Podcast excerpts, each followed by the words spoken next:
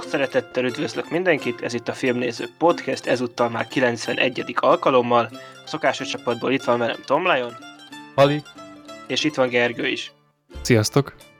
És ezúttal egy sima filmes adással készültünk, amiben javarészt a közelmúltban pár streaming megjelenésről fogunk beszélni, plusz két kevésbé ismert filmről is lesz szó. És akkor belecsapva a lecsóba, a talán egyik legnagyobb, aktuálisabb dobás, az ugye az egyszerre a külföldi mozikban, és az HBO Max-en debütáló Tom és Jerry film volt, és akkor ugye ennek apropóján most a Lion meg a Gergő úgy fognak beszélni, hogy először a régi 94-es, azt hiszem, 92-es. kettes Tom és Jerry filmről, és akkor utána összevetik ezzel az új dolgozással, úgyhogy akkor át is adom a szót. 92-es Tom és Jerry film, mit kell tudni róla, mennyire érdemes annak megnéznie, akinek nincs a köze a témához. Hajrá!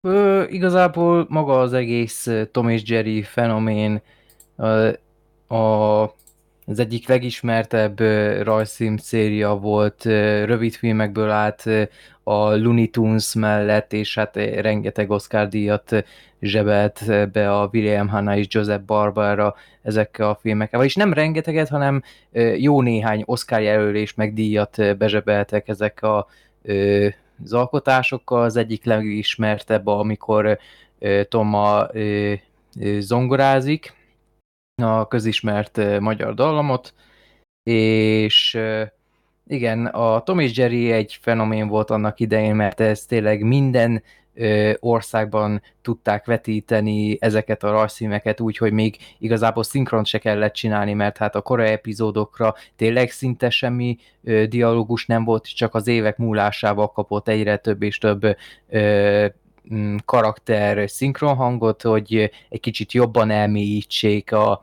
úgymond rövid történeteket, meg a karakterek is énekeltek, sugdaloztak egymáshoz, szóval ez egy, hogy is mondjam, ez egy általános félreértés a Tom és Jerry-vel kapcsolatban, hogy azt mondják az emberek, hogy ezek a karakterek soha nem beszéltek, és hogyha készül egy animációs film, egy mozifilm erről a két duóról, és nem, az, nem csak az, hogy beszélgetnek, hanem még dalra fakadnak is, az egytől egyig egy bűnnek számított. Szerintem egy hatalmas tudatlanságot vélek felfelezni ebbe az állításban, mert a régi sortokban is nagyon sokat beszéltek önmagukhoz képest, meg egymással is, szóval a Tom és Jerry a slapstick humornak a királyai szerintem mind a mai napig.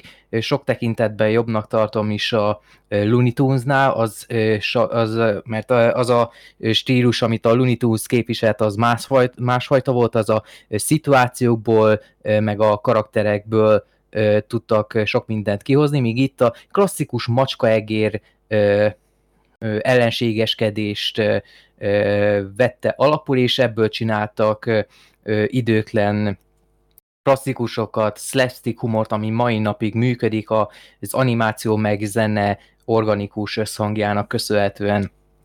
És nem véletlen, hogy a mozifilm ötlete az igazából a 90-es évekig fel sem merült sem az alkotókban, sem a producerekben, mert igazából olyan figurákról beszélünk, akik tényleg ennyit tudnak, hogy van egy macska, meg egy egér, aki a, a macska üldözi az egeret, mert el akarja kapni, mert vagy meg akarja enni, vagy idegesítette valamilyen szituációban, és akkor bosszút akar állni rajta, vagy fordítva történt, hogy az macska csinált valamit az egére, és akkor az egér bosszút akar állni a macskán, mert tönkretette a napját, vagy valami és vannak ezek a karakterek, és kaptak egy mozifilmet 92-ben.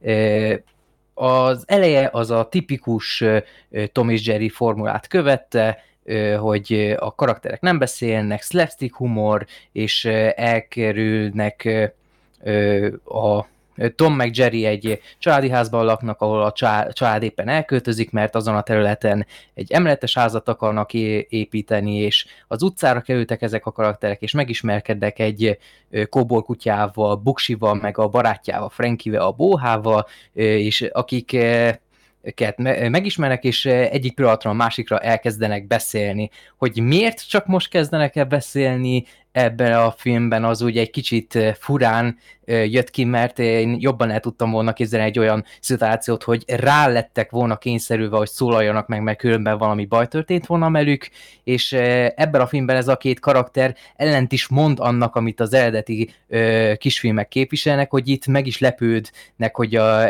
a másik fél azt tud beszélni, szóval itt történik ez a félreértés szerintem, ez a ö, általános félreértés, hogy az eredeti filmekben se beszéltek valójában a karakterek, hogy maga ez a film se emlékezett arra, hogy korábban beszélgettek, de ez lényegtelen, és igen, arra számítanánk, hogy ez a film arról szólna, hogy Tom és Jerry hogyan próbál meg túlélni ebben a vad városi közegben, és igazából nem, mert 20 perc után pedig elkezdődik a film igazi története, ahol egy Robin Starling nevű kislányt megismerke, megismerkedünk, egy Robin Starling nevű kislányjal, aki elszökött otthonról, és találkozik Tommal és Jerryvel is, akik segíteni akarnak neki abba, hogy hazajusson a régi házához, amit még az apja épített neki, ugyanis az anyja réges-régen meghalt, amikor még pici volt, és az apja pedig állítólag mostanában halt meg, és a nénikéjét tiszta szívből utálja, nem törődik vele, csak az apja öröksége miatt vigyáz a lányra, kihasználja ott, ahol csak tudja, és innentől kezdve pedig viccesebbné, meg izgalmasabbnál, izgalmasabb szituációkba keverednek a karaktereink, Robin Starling együtt, és én elhiszem azt, hogy emiatt a úgymond alapszituáció meg történet miatt sokan nem szeretik annyira ezt a filmet, mert nem igazából nem Tom és Jerry van a fókuszban, hanem Robin Starling, viszont ahogyan a 2021-es filmnél megtudtam, amiről majd hamarosan majd beszélgetni fogunk, ez a film az minden tekintetben sokkal hűbb az eredeti Tom és Jerry karakterekre, mint koncepcióra, az eredeti kisfilmekre, meg a szellemiségüket is továbbvitte abban, te, abban a tekintetben, hogy lehet, hogy ebben a filmben ö, fontos mellékszereplőknek számítanak, de akkor is a film velük kezd, és az első 20 percet rá is szánta arra, hogy ö, láthatjuk őket még az elemükben, amikor még úgymond a pantomimes történet mesélést folytatták. És Gergő, én megkérdezném, hogy te mivel most láttad először a filmet, te hogy voltál el ezzel? Meg hogy melyiket láttad előbb ezt az régebit, vagy az újat? A régivel kezdtem mindenképpen. Én ebből, ez valamikor még unokatesóim nézték valamilyen családi összejövetel alkalmával, azt hiszem, vagy egy, egy barátomiknál valamilyen összejövetel rémlik föl előttem, hogy, hogy valamikor ez ment a háttérben, de akkor én nem, nem igazán néztem meg, olyan furcsának tűnt, hogy most mit csinálott az a kislány, mert ugyan tudtam elképzelni, hogy kerülhetett a, a történetbe, meg hogy ők miért beszélnek, aztán valamilyen furcsa, furcsa emlékem volt róla. De igazából annyiban hasonlít a két film, hogy mindkettőnél valahogy Tom és Jerry bizonyos értelemben másodlagos, de nem úgy másodlagos, hogy alárendelt, vagy elhanyagolt, vagy ilyesmi, hanem hogy valami nagyobb egészben vesznek részt, ami, amely nagyobb egész nem, nem csak szigorúan rájuk koncentrál.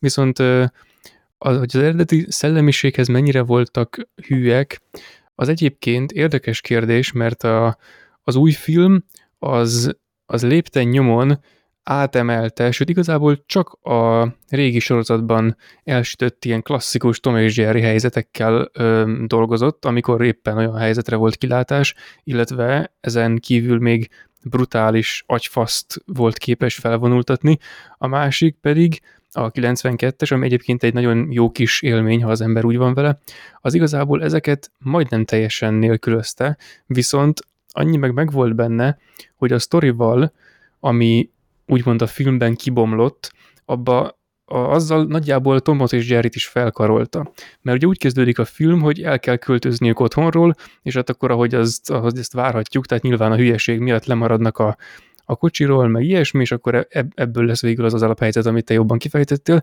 és hogy ebből következik az, hogy ez, ennek van, a filmnek, ennek a 92-es filmnek van egy ilyen, nem tudom, egy ilyen összegző jellege, hogy akkor most így a, a két karakterre így rátekintenek is, hogy hú, hát egész életükben ellenségeskedtek, és hát mennyire igazából még azt se tudták egymásról, hogy tudnak beszélni, meg ilyesmi, és akkor a, a másik két karakter, akik egymástól ennyire baszottul előttnek, tehát a kutya meg a bolhája, ezt, ezt el lehet képzelni, tehát ez is legalább akkora ellentét, mint a, mint a macska meg az egér, meg a, ja igen, ezt akartam említeni, hogy nem tudom, ismeritek-e a Namegai csak című orosz ö, Tom és Jerry sorozatot? Nem. Én nem hiszem. Ez, ezt én néztem kiskoromban kb. úgy, mint a Tomot és Tom és Jerryt. Ez, ez is egész jó. Itt, itt a farkas üldözi a nyulat. Csak ez, hát ez tényleg így kb. a Tom és Jerry-re következett. Azt hiszem a Tom és Jerry az 60, nem tudom hányban ért véget, 68-ban talán az első. Valahogy úgy. Most nézem a képeket, e, ez a Namegai, csak ez tiszta olyan, mint a késői Tom és Jerry széria, ahol tényleg nagyon minimálisra volt véve az animáció, azt hiszem valamelyik európai ország csinálta azokra a részekre a az igen, animációt. Igen. Arra a verzióra én mindig úgy tekintettem, hogy a kis vakont stílus. Hát kb. Igen, és ha megnézed egyébként, ez meg 69-ben indult, tehát egy-két évre, egy-két évvel arra következőleg, hogy a Tom és Jerry véget ért, tehát ez is valami hasonló.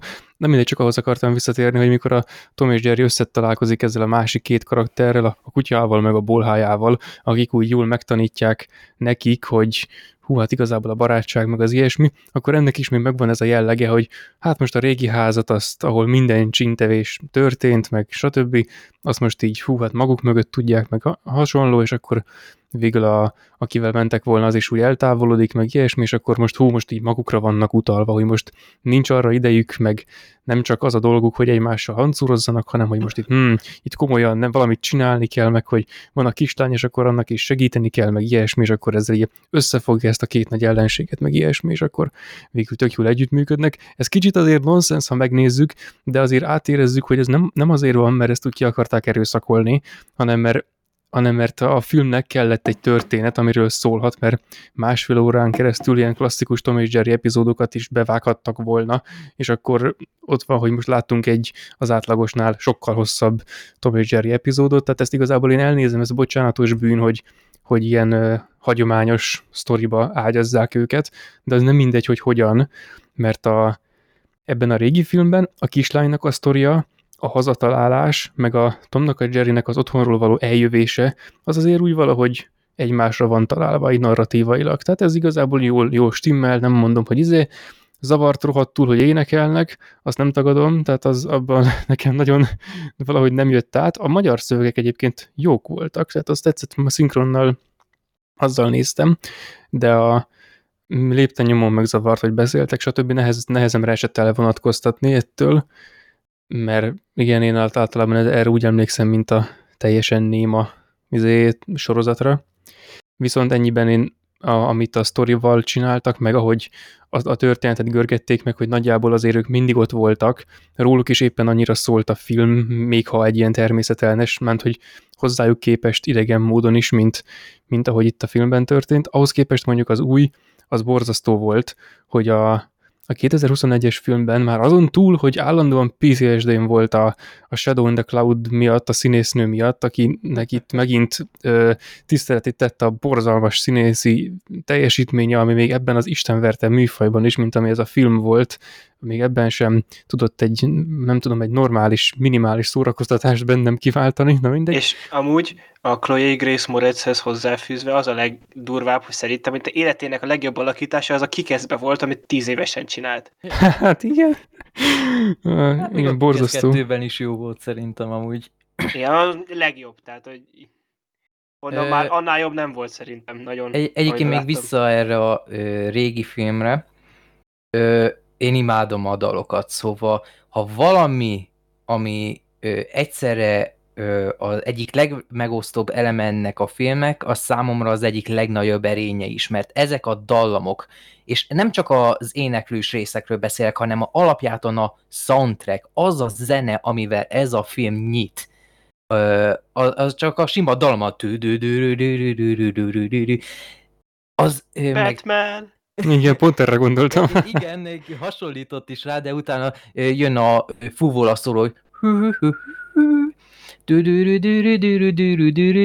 hogy anyámmal néztem ezt a filmet, mert elindítottam, a nagy tévén akartam ezt a filmet látni. Igaz, hogy 4-3-as képarányú, mint a Snyder Cut, de ö, lényegtelen. Jó volt a nagy tévén újra nézni, és ő is azt mondta, hogy el is felejtettem, hogy ennek a filmnek mennyire jó zenéje van, és hát nem akartam a ö, 21-es filmet is lent nézni, mert ott, amilyen zenék vannak, az valami kinkeselvesen borzalmas volt. és Úristen. Ö, meg alapjáton a musical betétek, szóval én szerintem, mint koncepció nem rossz az, hogy mint a köztudatba behozni alapjáton néma karaktereket egy nagy musicalbe, az szerintem egy kreatív dolog, mert hogyha tényleg csak simán beszéltek volna, és nem hoztak volna ki belőle semmit, akkor egy teljesen fölösleges eleme lett volna a Tomnak és Jerrynek arra, hogy ö, 80 percen át beszéljenek, de így, hogy egy musical csináltak belőle,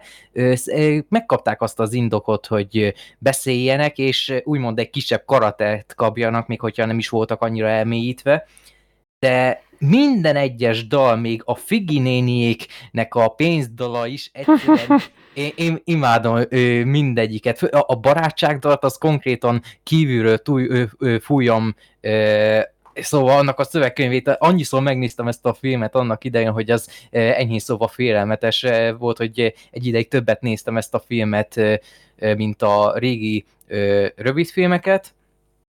É, meg a többi mellékszereplő is, a Piti kapitány, akkor a, hogy hívják, a, ö, a na, hogy hívják azt a csávót, a ö, Dr. Mézes Mázasi haverka, ö, az állatgondozó, aki kívülről egy jó kis ö, kedves idős bácsinak tűnik, valójában egy kegyetlen állatkínzó, aki szó nélkül megöli az állatokat, vagy ha jól megfizetik őrte, akkor képes kinyírni az állatokat, és akkor ú, azt a rohadt, milyen drasztikus váltás ez.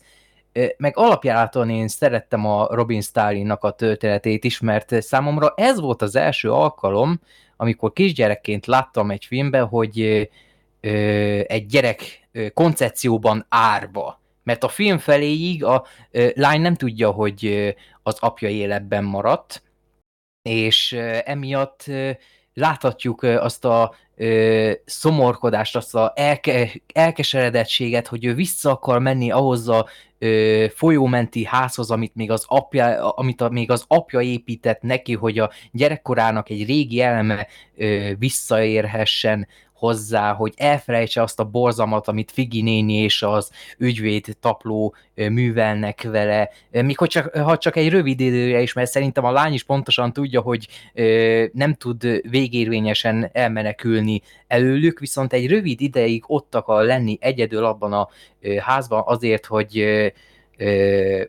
elmékedjen a régi dolgokon, ö, emlékezzen azon, hogy neki volt egy apja, és szerette mindennél jobban, és akkor ez így kisgyerekként látni, aki ö, egy nagy családban nőtt fel, ez így eléggé ö, Na ez egy oly- olyan meghatározó dolog volt számomra, hogy én ilyenben nem akarok részt venni, nem akarok átélni, és annyira jó érzés számomra, hogy mindig, amikor az apja helikopterrel jön a lányét, hogy megmentse, áll, ott mindig feláll a libabőr a szőrömön, szóval sok dolgot eléggé rosszul csinál a film, de önmagában, mint egy komplett csomag, én nagyon-nagyon szeretem, nem úgy, mint az új filmet. Hát nem. Úr, Jézus, Atya, Úristen, egyszerűen nem tudom, hogy mi a franc történt. Vagyis nem, rosszul mondom. Igazából tudjuk, hogy mi történt, hogyha... Tudjuk, hogy mi történt. Már Igen. az első képeknél, már az első képeknél tudtam, hogy ez nem fog működni. Utána jött az első előzetes, hát ez olyan, mint a tudom, Hupik, mosott szar. élő szereplős, meg az Alvin és a mókusok, egy rakás szar, és csak azért nem 3D animáció. Igazából nem tudom, hogy miért nem 3D animáció, lehet azért, mert ez a ö, 2D animáció olcsóbb volt, de ez a stílus, amit választottak, egyszerűen nem működik ebbe. Olyan... Az, az ilyen típusú film az önmagában sem működik. Még akkor sem működik, hogyha ha éppen nincs azzal eladva, hogy Tom és Jerry, ha éppen nem arra használják fel a mizé kiskorom kedvenc rajfilm, rajzfilm szériáját, hogy egy ilyen fos filmet csináljanak, az ezredik ilyen filmet. Ah, teljesen, teljesen Én- én kitértem a szerintem hitemből. Az történt, hogy volt egy alapsztoriuk ez az egész hoteles szár, és akkor rájöttek, hogy hát ez 70 perc lenne, és akkor jött az egyik eh, producer, hogy hé, és mi lenne, hogyha a Tom és Jerry-t beraknánk, és akkor az plusz fél óra, és akkor marketingelni is eh, könnyűbb lesz, és oppa, igen, zseniális, és akkor ott van a Chloe Grace Moretz, annyira jó ö, szerepelt az ötödik hullám című filmben, legyen ő a főszereplő, és akkor á, igen, és akkor megvan, és akkor szerezzük be Michael Penyát is, mert csak hát amúgy tényleg más indok nem lehetett. igazából Na, ha az elő, első filmnél a zene megteremtette az alaphangulatot, hogy nagyjából milyen filmre számítsunk egy könnyedebb hangulatú ö, családi kalandfilmre, az első film az kurva jól csinálta, míg ez a film rögtön egy reppel kezd. Ez már a 2000-es évek legelején is egy borzasztó előjelnek számított, hogyha egy gyerekeknek szánt ö, ö, gyerekfilmben reppel kezdődik az egész dal, és mondtam, reppelő galambok, animált galambok, szóval... Az kiábrándító volt. Rendesen a megijedtem. kedvemet a filmhez. Borzasztó, borzasztó, úristen.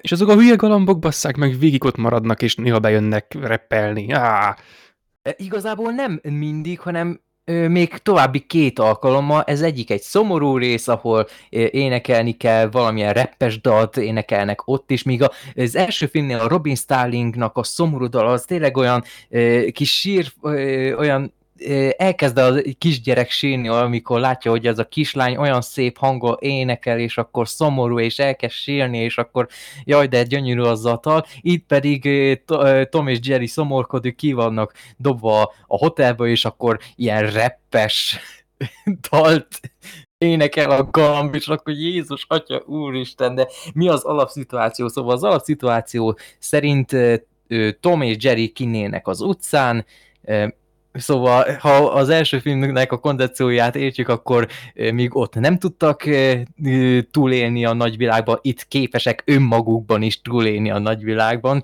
Szóval látszik, hogy ez csak egy önálló sztori, és ö, ebben a világban az emberek, emberek, míg az összes állat 2D animálva van, és viszont ez teljesen normálisnak számít, és Tom és Jerry ö, lakhatási lehetőségeket keresnek e- maguknak, vagyis a Jerry akar találni magának egy otthont, míg Tom pedig ö, a szintetizátorával ö, tud zenélni egész jól, és fel akar lépni egy ö, ö, nagy színpadon, egy nagy közönség előtt, viszont ahhoz pénzt kell keresnie, és ahhoz, hogy pénzt keressen, kinn a parkban zongorázik, de az nem számít egy nagy dolognak, hogy egy ö, láthatóan egy macska tud zongorázni, hanem közben még azt is eljátsza, hogy vak, és akkor egy vak macska zongorázik, és akkor Aztán megsajnálják.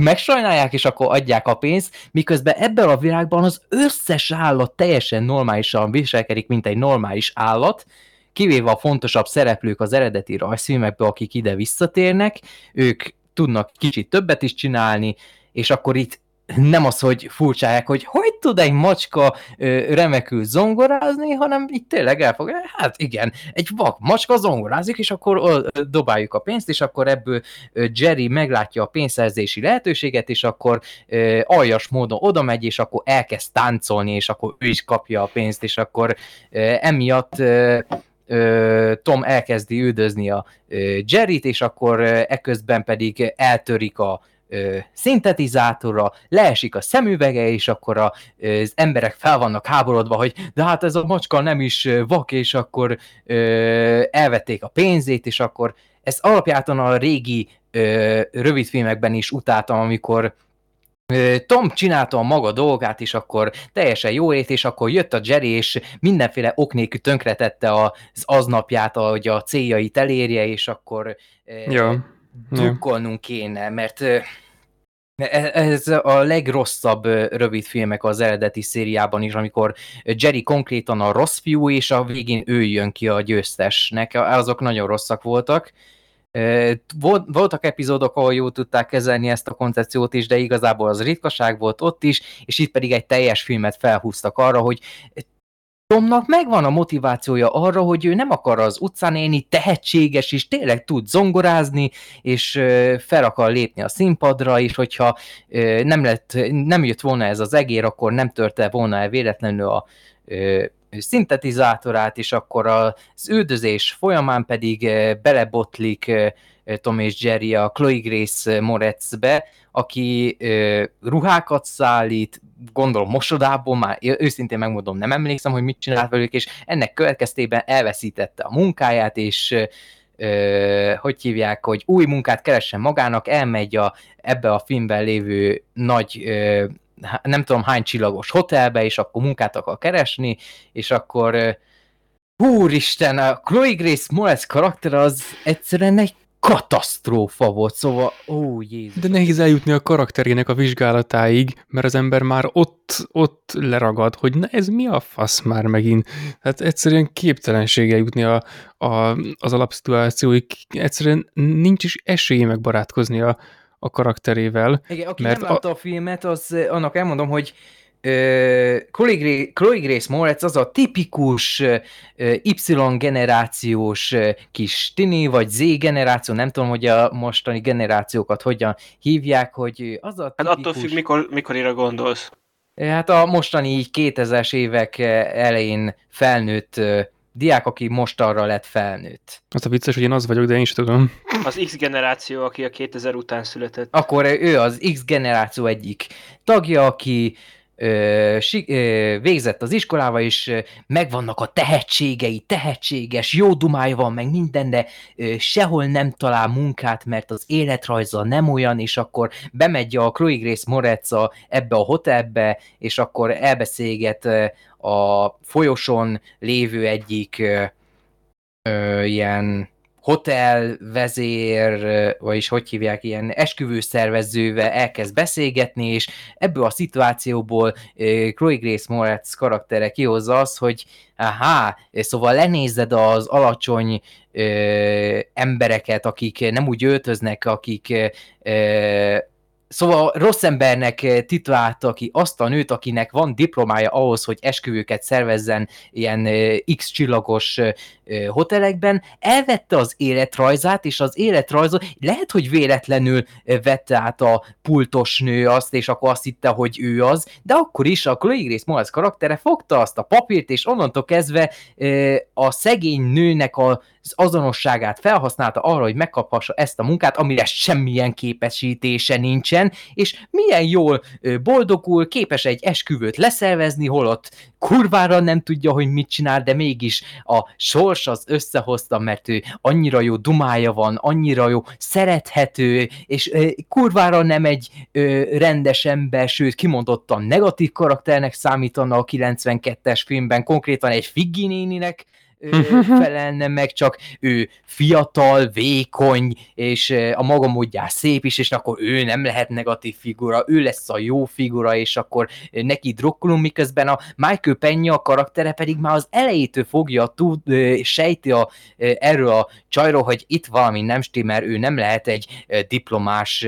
esküvő szervező, hogyha egy aranyhajról azt hiszi, hogy egy hotel alkalmazottja, miközben az poénnak fogta, hogy Jézus, az, miközben egy poénnak szánta volna, a Michael Penya karaktere azt hitte, hogy komolyan beszél. Ez, Mert ez, ez, ez egy borzalmas műfajú film egyébként. Azért, Ah. mert ez egy förtelmes műfaj. Ez, Ez- az, ez Az- az a- az a típusú gyerekfilm, Mondd el te legjobb- előbb. A, a legjobb gyerekfilmek azok családi filmek, mint a Paddington filmek, meg ö, sok mások is. Ez egy gyerekfilm, amit úgy készítettek el, hogy csak a gyerekeknek működjön.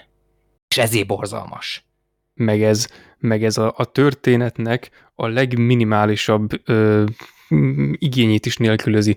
Tehát ez, ez olyan, hogy itt, amit az ember azt hiszi, hogy egy történet, az a legbugyutább dolog a világon, amit csak meg tud tapasztalni. És az a baj, hogy ebből a legbugyutábbból, ebből végtelen mennyiségű van. És ahhoz, hogy ezt elleplezzék, ahhoz a filmnek a külső, külsőségét és bugyutává és idiótává teszik, amit valakik humornak hívnak, vagy poénnak, de ez az, amin a, ahogy te is mondtad, ahogy a, nem tudom, a, a kisgyerekek nevetnek valamiért, mert, mert tényleg vicces, meg, vagy nem tudom, először, ha az ember először lát ilyet, akkor talán még, még nevet rajta, de egy idő után ez, ez már nagyon kínossá válik, és de igazából a filmnek is ez a lényege, tehát meg az ilyen típusú filmeknek általában ez a lényege, hogy annyira kínos, hogy azt na, nem tudom elmondani, amit történik benne, az egyszerűen katasztrófa, egyszerűen tényleg nem tudom, hogy a, ennek a műfajnak miért van, miért van létjogosultsága, de mindegy lényeg, hogy mindig elkészül a következő ilyen, és de és akkor a legrosszabb az egészben, hogy valószínűleg, és visszamennék oda, amikor találgattuk, hogy na ez a film ez miért készülhetett el, vagy hogy mi volt az apropó, vagy mit gondoltak, amikor, amikor belerakták Tomot és Jerryt. Na én most oda tennék még egy lábjegyzetet, hogy hát valószínűleg eszükbe jutott ilyen nagy dolgokat feltételezek a filmnek a készítőjéről, hogy valószínűleg eszükbe jutott, hogy hát ez a műfaj, ez, ez, ez nem életképes, ez soha nem volt az, csak valamiért idáig kitartott, de hogy egy ilyen film, ez, ez nem, tehát ez, ez nem lehet sikeres, erre senki nem emlékszik 15 percnél tovább, és valamivel el kell adni ezt a filmet, és hát akkor nem tudom, sorsot húztak a Tom és Jerry jogaira, vagy a fenet tudja, hogy hogy a fenébe tudott ez megtörténni, de hát akkor valószínűleg ez volt, hogy itt a Tom és Jerry nevével, vagy névvel adták el ezt a borzalmat, amit nem tudom, valakik humornak hívnak, és minden, mindenben, ami csak ez a film, meg ami ez a műfajú film, abban a Tom és Jerry leosztást, azt alárendelték neki.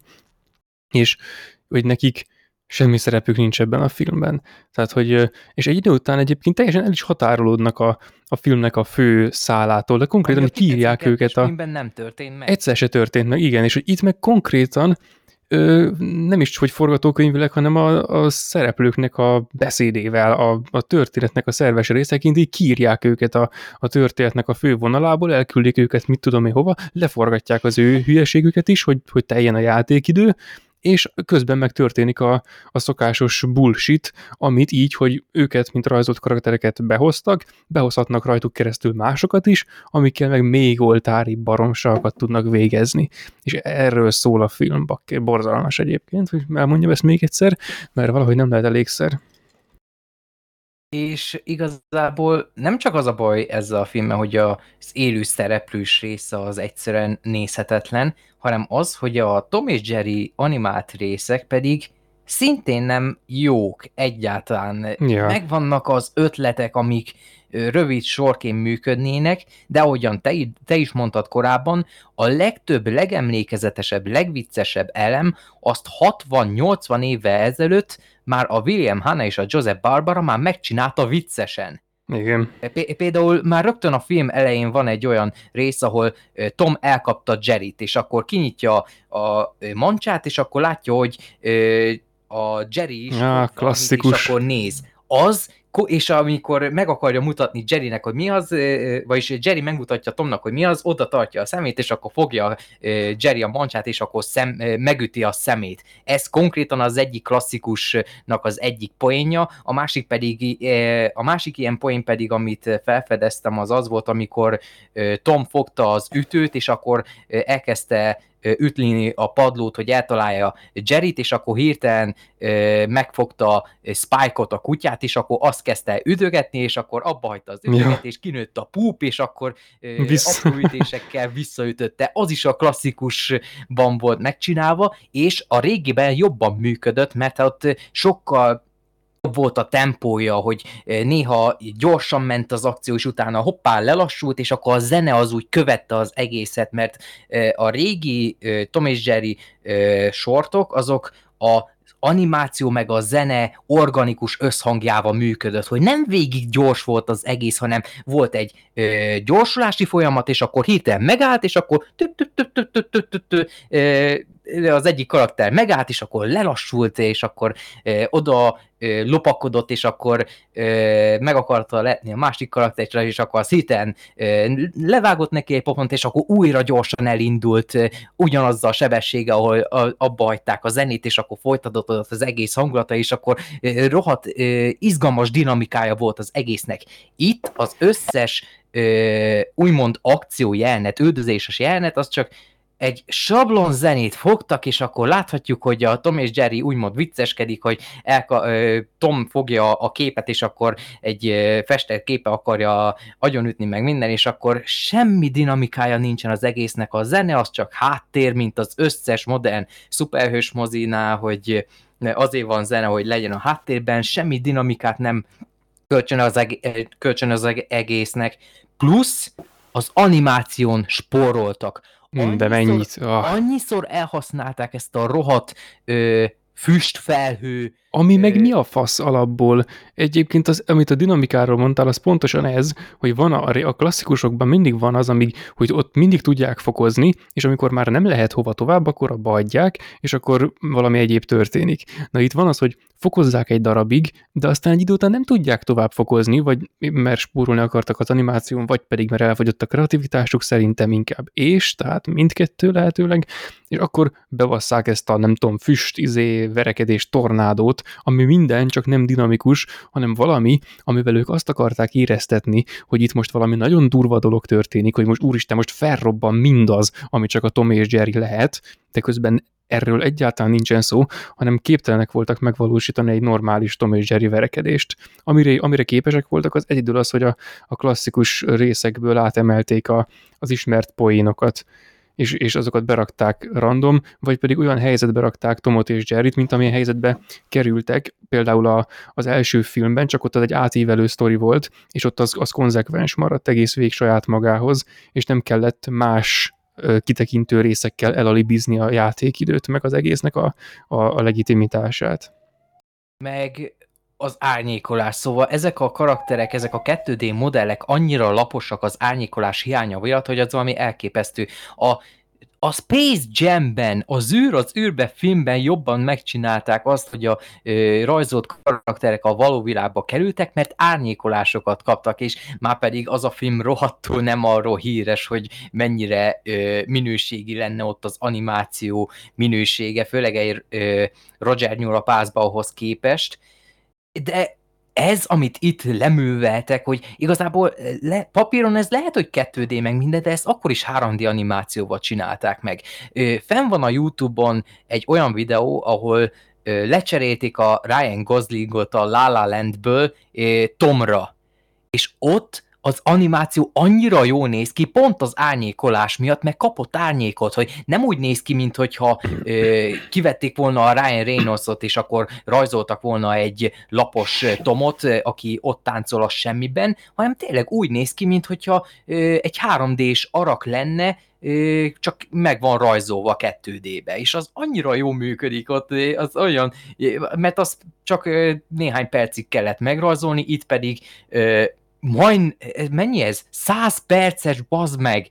100 perces ez a rohadt film, míg a 92-es mozifilm, amit még moziba is vetítettek, az alig volt 80 perces, hogy rohadjon meg, mert a készítők ott tudták, hogy ez csak egy Tom és Jerry film, ezt nem lehet túlzotta elnyújtani, és hogyha túlnyújtanák, akkor az unalmas lenne meg érdektelen, így is nagyon sokat veszel a Robin Starlinnak a története, de legalább egy érdekes mondható karakter a legkisebbek számára, legalábbis Legalábbis egy ilyen szerethető sztori egyébként, ami, ami a maga jogán szerethető, és nem egy ilyen kierőszakolt műfaj. Igen, még a Chloe Grace Moretz karaktere egyszerűen vállalhatatlan.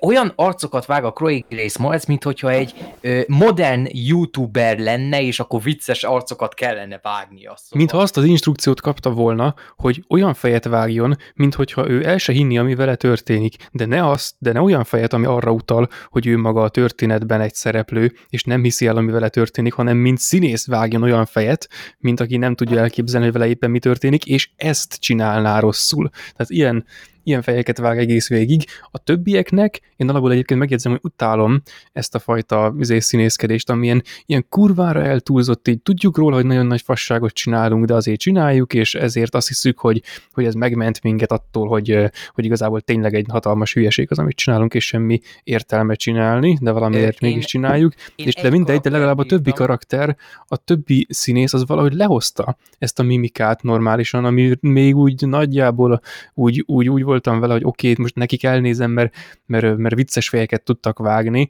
az nem egy dolog, mondom, hogy hogy nekem izé- volt a kedvenc karakterem ebből a filmből, az pedig a hoteligazgató Nekem volt. is, nekem is. Ő annyira inkompetens volt, viszont a színész annyira jól eladta ezt a Kurva jó volt, az ő- igen. ő Annyira rajzfilmszerű volt a karaktere, hogy belőle így néznék ilyen rövid sortokat. Egy, egy picit olyan Mr. Magoo volt a stílusa, hogy fogalma sincsen az egészről, érthetetlen, hogy ez a csávó hogy lett ö, hoteligazgató, de mindegy, vegyük, vegyük fel a Chloe Grace Hát talán úgy, mint a csaj, tudod, ő is ellopott egy papírt. Igen, és Mondjuk nem túl- túl barátságos a vigyora. macskát, mint ö, egérfogó, és akkor hú, de ö, és akkor így rendben lesz a hotelnek a hírneve. Rohadtul nem értettem a Tom és Jerry mellékszánál, ahol konkrétan kikerültek a történetből, amikor bekerültek a sintértelepre, hogy visszahozták Dropit egy Hannibal Lecter paródiára. Minek? Úristen. Mi a fran... Ennyire utálják az eredeti készítők a dropit, hogy a ö, 92-es filmben is ott volt két másodpercig a karakter egy hülye poén kedvéért, hogy elkapták a sintérek, és akkor vicces, itt a dropi, itt pedig egy, ha, nem elég, hogy dropi, de még egy Hannibal Lecter maszkban. Minek? Ő sose volt ennyire erőszakos karakter, a szegény dropi, az a tipikus, melankolikus, lassú karakter. Mint a régi, a régi magyar népmesében a, a farkas, hogy bár csak valaki még egy jót vágna reám típusú izé, tehát már csak az hiányzik neki. A, ő- a Dropi az egy klasszikus saver karakter, aki Uh-huh. ö, szerintem a mai világban én nem működne, ne- nem tudom, jó lenne, majd szerintem valamikor majd újra nézzek régi Dropi színeket, még igazából rengeteg emlékem már pont nincsen a karakterő, ez a, ez a film volt az, ami egy emlékeztetett, hogy várjunk csak most mi a francék hozták megint vissza Dropit ugyanarra a poénra, ugyanabba a szituációba, és igazából semmit nem hoztak ki belőle, ez is csak egy két másodperces poén volt fölöslegese. Ó, az meg, ja, és ott van, a, ott van még a házasságra készülő házaspár is. Hát, te jó Isten. Az, az mi volt? az milyen kurva kínos volt, hogy, hogy minden, minden sztoriba, ami már nem tud mihez nyúlni, hogy, hogy leforgathassák, oda beleraknak valami, valami idióta izé, szerelmi történetet, de hogy ennyire felcicomázni a semmit egyébként, mint ami itt volt, hogy mennyi Úristen, most nézem IMDb-n a képeket, és hát meg kell hallnom, hogy valami, hogy egy ekkora merénylet megtörténhet a nézők ellen. Itt az IMDb-n a videóz videózok között ott van Chloe Grace Moretz képe az egyik videónál, olyan hülye arcot vág itt. oh. Korábbi kijelentésemet eh, cáfolnám, mert éreztem, hogy hülyességet mondok. Z-generáció, mert arra emlékeztem, hogy én vagyok az Y. És akkor a nálunk a 2000 után 95, 95-től 2010-ig az a Z-generáció, tehát a, és az a teljes mértékben ugye a technikában felnőtt generáció. Akkor én még X generáció vagyok. Nem, te nem vagy X, ahhoz te öreg vagy. Vagy fiatal vagy. A Y, Y vagy te is, mert az Y az 80-tól van. Ja, aha, 80-tól a 90-es évek végéig. aha, jó. Mi- Mindegy, én ugyanúgy hülye vagyok a technológiához, szóval. Úgyhogy ennyit lett volna hozzáfűzve, és akkor szerintem ezt a filmet bezárhatjuk. Menjünk Ja, egy ne kézzük tovább. fajhoz. Igen, a The White Tiger, Fehér Ne. Tigris, Netflix premier, és hát így már így idén, így azért kirakták rendesen az irányjelzőt ezzel a filmmel, mert így azért megnézve már nem volt olyan nagy meglepetés nekem, mert itt az interneten azért bele futottam már korábban, hogy itt, itt nagyon dicsérgetik ezt a filmet, és ezért olyan komoly nagy szavakkal dobálóztak egyesek, hogy a indiai élősködők, meg hogy Martin Scorsese, stb. Hát, Ezek igen, nekem is ilyen hát volt a film után, de nem a minőségbeli különbség miatt, hanem szimplán mert ez nem feltétlen ezekre a jelzőkkel aggatnám Ez a ezt a film- filmet. Ez a film közelebb áll az én tonyához. Mert az is olyan Scorsese film volt, a maga problémáival is nem volt annyira hű, de Isten igazából király, de egy nagyon jó kis kompakt film volt, ez is az volt. Én ezt nagyon élveztem. Igen, én is, nekem is egy nagyon jó élmény volt, ha bár ezt már régebben láttam, amire jutottunk ide. De miről szólt? Tehát annyi az egész, hogy Indiában ugye a legalsó kasztban van ez a főszereplő srác, és már ugye a film legeslegelején látjuk, hogy majd a jövőben valamikor gazdag lesz. És röviden arról szól a film, hogy hogyan jut el oda, szó szerint. Hosszabban pedig kiszúrja magának, hogy ő már pedig sofőr lesz, és a helyi ilyen földesúr szerűségnek a fiának lesz a sofőrje, és ezt így szépen végigviszi, és igazából a film fő cselekménye az, hogy hogyan éli meg ezt ott, hogy úgymond sikerül valamilyen szinten kitörnie a falui nyomorból, de mégis ugye nem tud előre haladni az életbe semmilyen szinten. Úgyhogy ennek a ilyen, hát ilyen az átlagnál azért modern felfogású csávónak a sofőrje. Ez maga a cselekmény.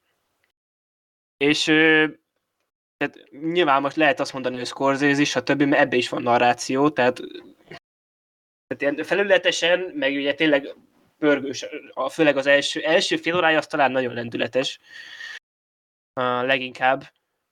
Hát, talán az is a legjobb része egyébként. Az is a legjobb része, vagy én inkább úgy mondanám, az máshogy jobb, mint a film. Nem, mondjuk, na igen, igen. Többi része, de tényleg, tehát ez, egy, ez is egy olyan film, amit tényleg bárkivel megnézetnék, bármikor, mert szerintem ez olyan, hogy aki egy felnőtt értelmes ember, az nincs olyan, aki ezt innen nagyon tudná befogadni. Én ezt hamarabb ajánlanám apámnak, mint a zélüsködőket például. Igen, meg a, például, például egyébként az is ugye mindkettő ázsiai film, de tehát ugye beszéltünk már korábban indiai filmekről, de ez nem egy bollywoodi film. Tehát ja, ez nem, nem, nem, egyáltalán. Ez nem az, nem. Ez, ez egy film, ami Indiában készült, de nem abban a, ez egy normál film, nem pedig három és fél órás musical betétes indiai film, hanem ez egy rendes film. Hát a, a film egy ilyen nagy hányadában angolul beszélgetnek, szóval ez így felismerő akkor a kérdés, hogy ez akkor mennyire számít angol filmnek olyan tekintetben, hát, hogy... Hát azért indiai film, mert indiai könyv alapján készült, indiai rendezővel, indiai színészekkel Indiában. Az, hogy milyen nyelven beszélnek, most ugye azt igazából bármelyik szinkronnal meg tudják oldani bármilyen filmnél, tehát szerintem ez miatt nem lesz kevésbé indiai, mint más indiai film. Azért, mert ugye tényleg a film nagy hányadában angolul beszélnek. És igen, csak az a nehéz, tehát tényleg most bele lehetne menni dolgokba, csak ugye itt most nem fogunk spoileresen beszélni róla. Nem. Csak mégis ugye nekem talán amiről a legérdekesebb az pont, hogy a vége volt, amikor a film ugye az élősködőkkel szemben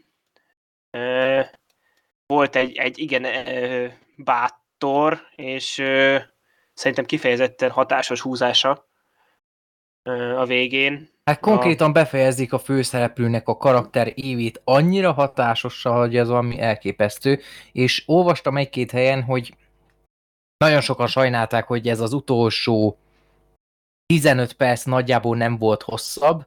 Én De viszont... szerintem pont... Én, én, én ezt akarom mondani, hogy én nem értek ezzel egyet, miért pedig azért, mert ö, az bemutatta, hogy hogyan végződik a karaktere, és mivel nem igazán volt ott már konfliktus, igazából fölösleges lett volna túlnyújtani. Hanem ameddig eljutott eddig a szintig, addig az azt megelőző történetek annyival érdekesebbek és érdekfeszítőbbek voltak, meg hogy hogyan, láthattuk konkrétan a legelején ezt a megszokott in medias res-szerű ke, kezdés, hogy a karakter már ott van egy helyen, és akkor hú, hogyan fog odáig eljutni, és akkor rögtön megfogja az embernek a kíváncsiságát, mert hogyha a klasszikus módon csak az elejétől mesélték volna el, igazából nehezen fognám meg az embernek az érdeklődését, mert nem tudjuk, hogy nagyjából hova fog kifutni a történet, de mivel már tudjuk, hogy nagyjából hova tart, így ö, csodálkozunk, hogy azt a rohadt, innen a semmiből kezdte, és akkor így felemelkedik, akkor az úgy ö, nagyon érdekfeszítővé teszi. Meg tehát, a végére, tehát nyilván először, amikor ö, hogy nem, egy darabig én is úgy voltam, hogy arra voltam kíváncsi, hogy mégis hogy fogja megoldani azt, hogy ő meggazdagszik. De pont arról szólt a film, hogy itt igazából onnantól, hogy megvoltak neki a lehetőségek, ő azt tényleg úgymond a filmben is pár perc alatt megoldotta. Az már nem, volt, nem az volt a kérdés, hanem pont az, amit a film feszegetett, ugye ez az egész kasztrendszer, meg amit a főszereplő is mondotta példa a, a, a kakas ketrecekkel, ugye, hogy a kakasokat, ugye az a India legnagyobb találmánya az a kakas ketrec, hogy ott vannak ugye a kakasok fölsorakoztatva a kis ketrecekbe, és látják ugye, hogy előttük a következő kakast azt éppen ott fejez, fejezik le, meg tollazzák ki őket, de hát nem tud semmit tenni ellene. És ugye ezzel példázta azt, hogy akik olyan, kik azok, akik a, a alatta lévő kasztokban vannak. És ugye azt is nagyon durván bemutatta a film, aminek, hogyha tényleg kis valóság alapja is van, azért az elég kemény, ugye hogy hogyan tartják sakban alsóbb kasztú embereket itt Indiába meg hogyan tartják sakban ők saját magukat. Igazából igen, és szerintem az volt a, a legjobb vonatkozása a filmnek, hogy, hogy nagyon sok, sokat szánt, bár még ha csak ilyen narráció szinten is igazából a, meg a szimbolikának egy ilyen furcsa, túlságosan kézzelfogható változatával arra, hogy a, a kasztrendszernek ezt az eszme, eszme, eszme, eszmeiségét boncolgassa egy kicsit, mert a, igazából én alapvetően nem voltam túlságosan nagyra ennek a filmnek a történetével, tehát baszott túl nem szeretem ezt a retrospektív elmesélt sztorit, hogyha az külön nincs megindokolva, hogy ennek most mi értelme van, hogy, hogy, hogy megindokolt, meg egy, egy, egy szokásos felemelkedés történet, tehát ez, ez az, a kasztrendszernek az eszmeisége gével való, nem tudom, ilyen foglalkozás nélkül. Ez a film ez számomra így így, hogy ez miért egyedi, vagy miért, az elég semmilyen lenne, meg, meg tényleg, tehát egyáltalán nem indokolt az, hogy visszafele mesélik el a sztorit, vagy úgy visszafele, hogy, hogy belejükadnak végül a, az aktuális ha, dologba. És, ez, igaz, és ezért mondom, csak azt akartam megtámogatni, hogy igazából a, ez a kasztrendszeres dolog, hogy ezzel úgy foglalkoztak, meg hasonló, az igazából tök jó, azt nagyon szeretem benne, de végül azért végül csak, csak azért is igazából ebből a, a sztorinak a hatásvadász voltára futottak ki.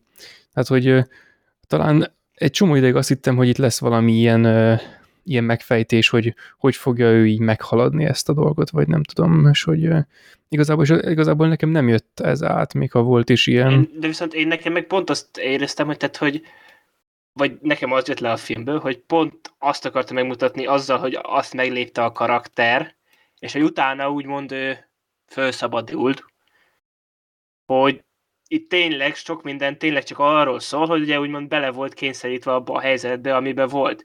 És ahogy mondom, ugye, hogy az elejét, hogy onnantól, hogy megkapták, tehát onnantól, hogy megkapta a lehetőséget, ő tudott élni a lehetőséggel.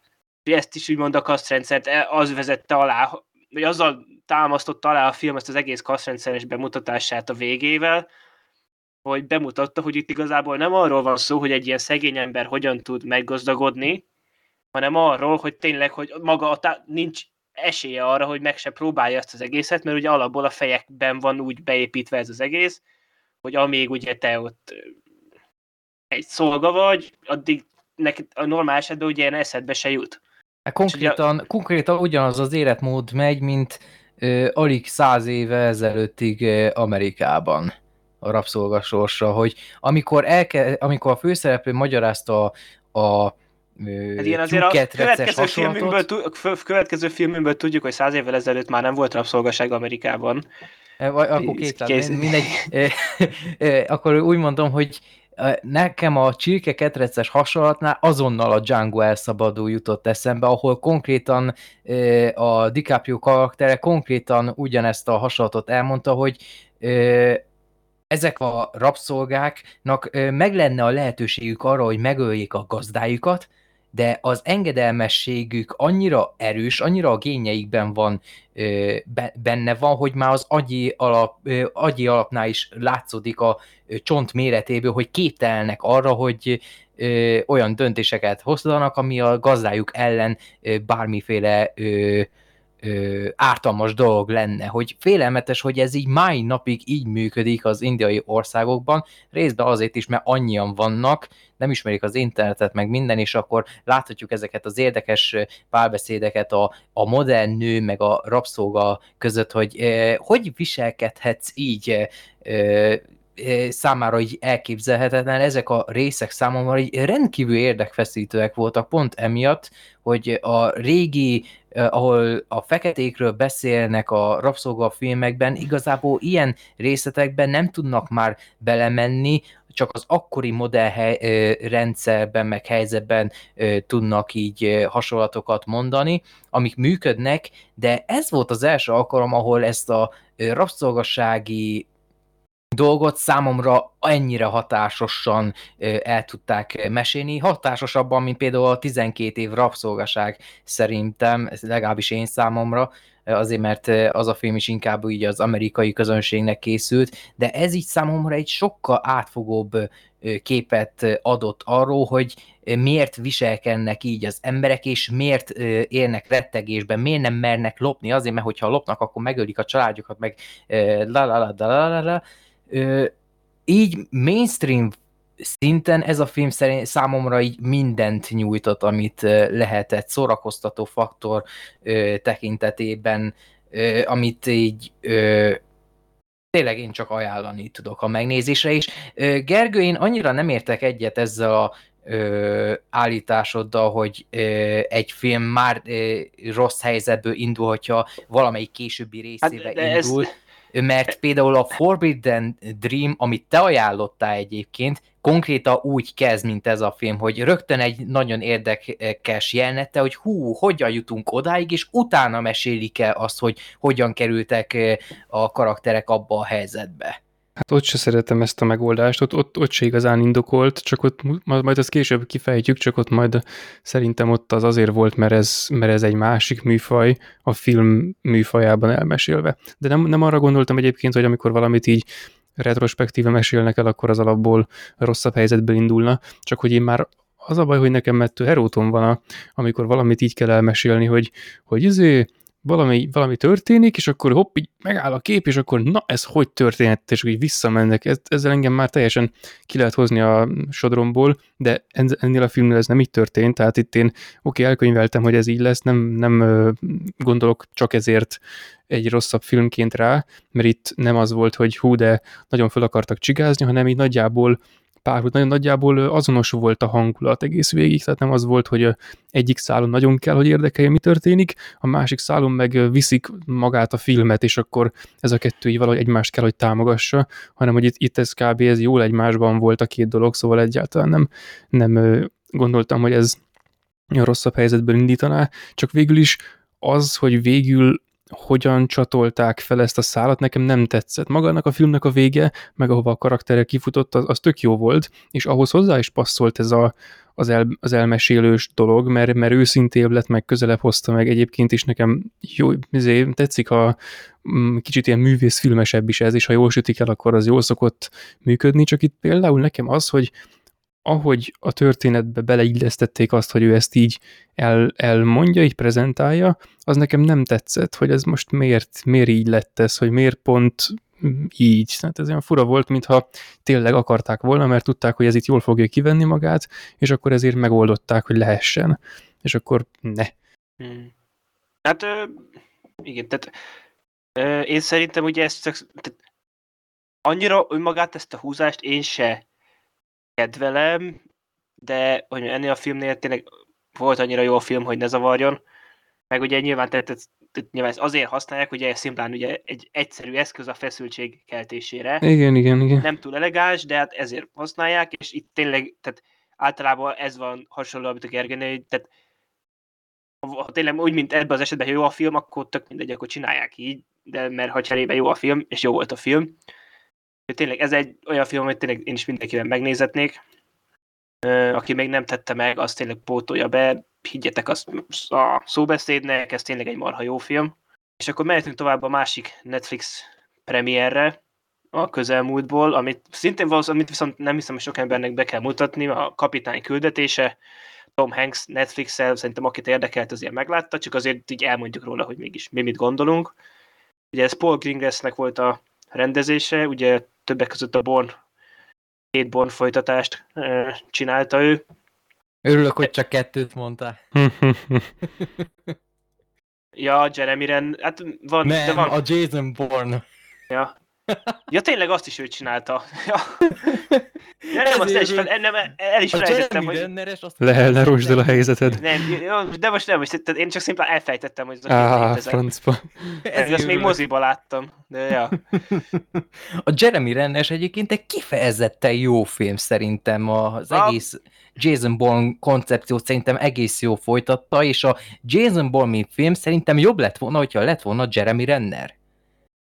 Hát nem, az szerintem annyira nem rossz az a film, hanem tényleg az volt a baj, hogy felejthető volt. Elején az első olyan 40 perc, az egész, egész fasza volt, utána elég unalmas volt.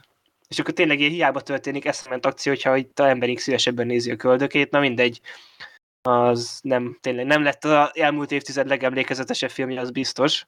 Mint Ahogy a ez- kapitány küldetése. és se. Annak ellenére, hogy szerintem egy, egyrészt egy, az alapötlet már tök jó, és igazából tényleg van, volt sok különálló eleme a filmnek, ami kifejezetten tetszett, meg tényleg ez az alapötlet tök jó, csak közben ez a film, ez a kisé, mondjuk a klisé bácsi megeszik egy nagy adag ebédet, utána így ledől a székébe, és így fölbefög egy nagyot, és akkor megkapja a filmnek a cselekményét.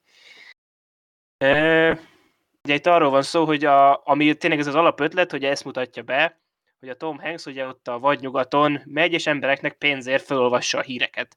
Mert ugye nyilván abban az időben még nem volt egyértelmű, hogy tud- írásolvasás, stb. És ugye a polgárháború utáni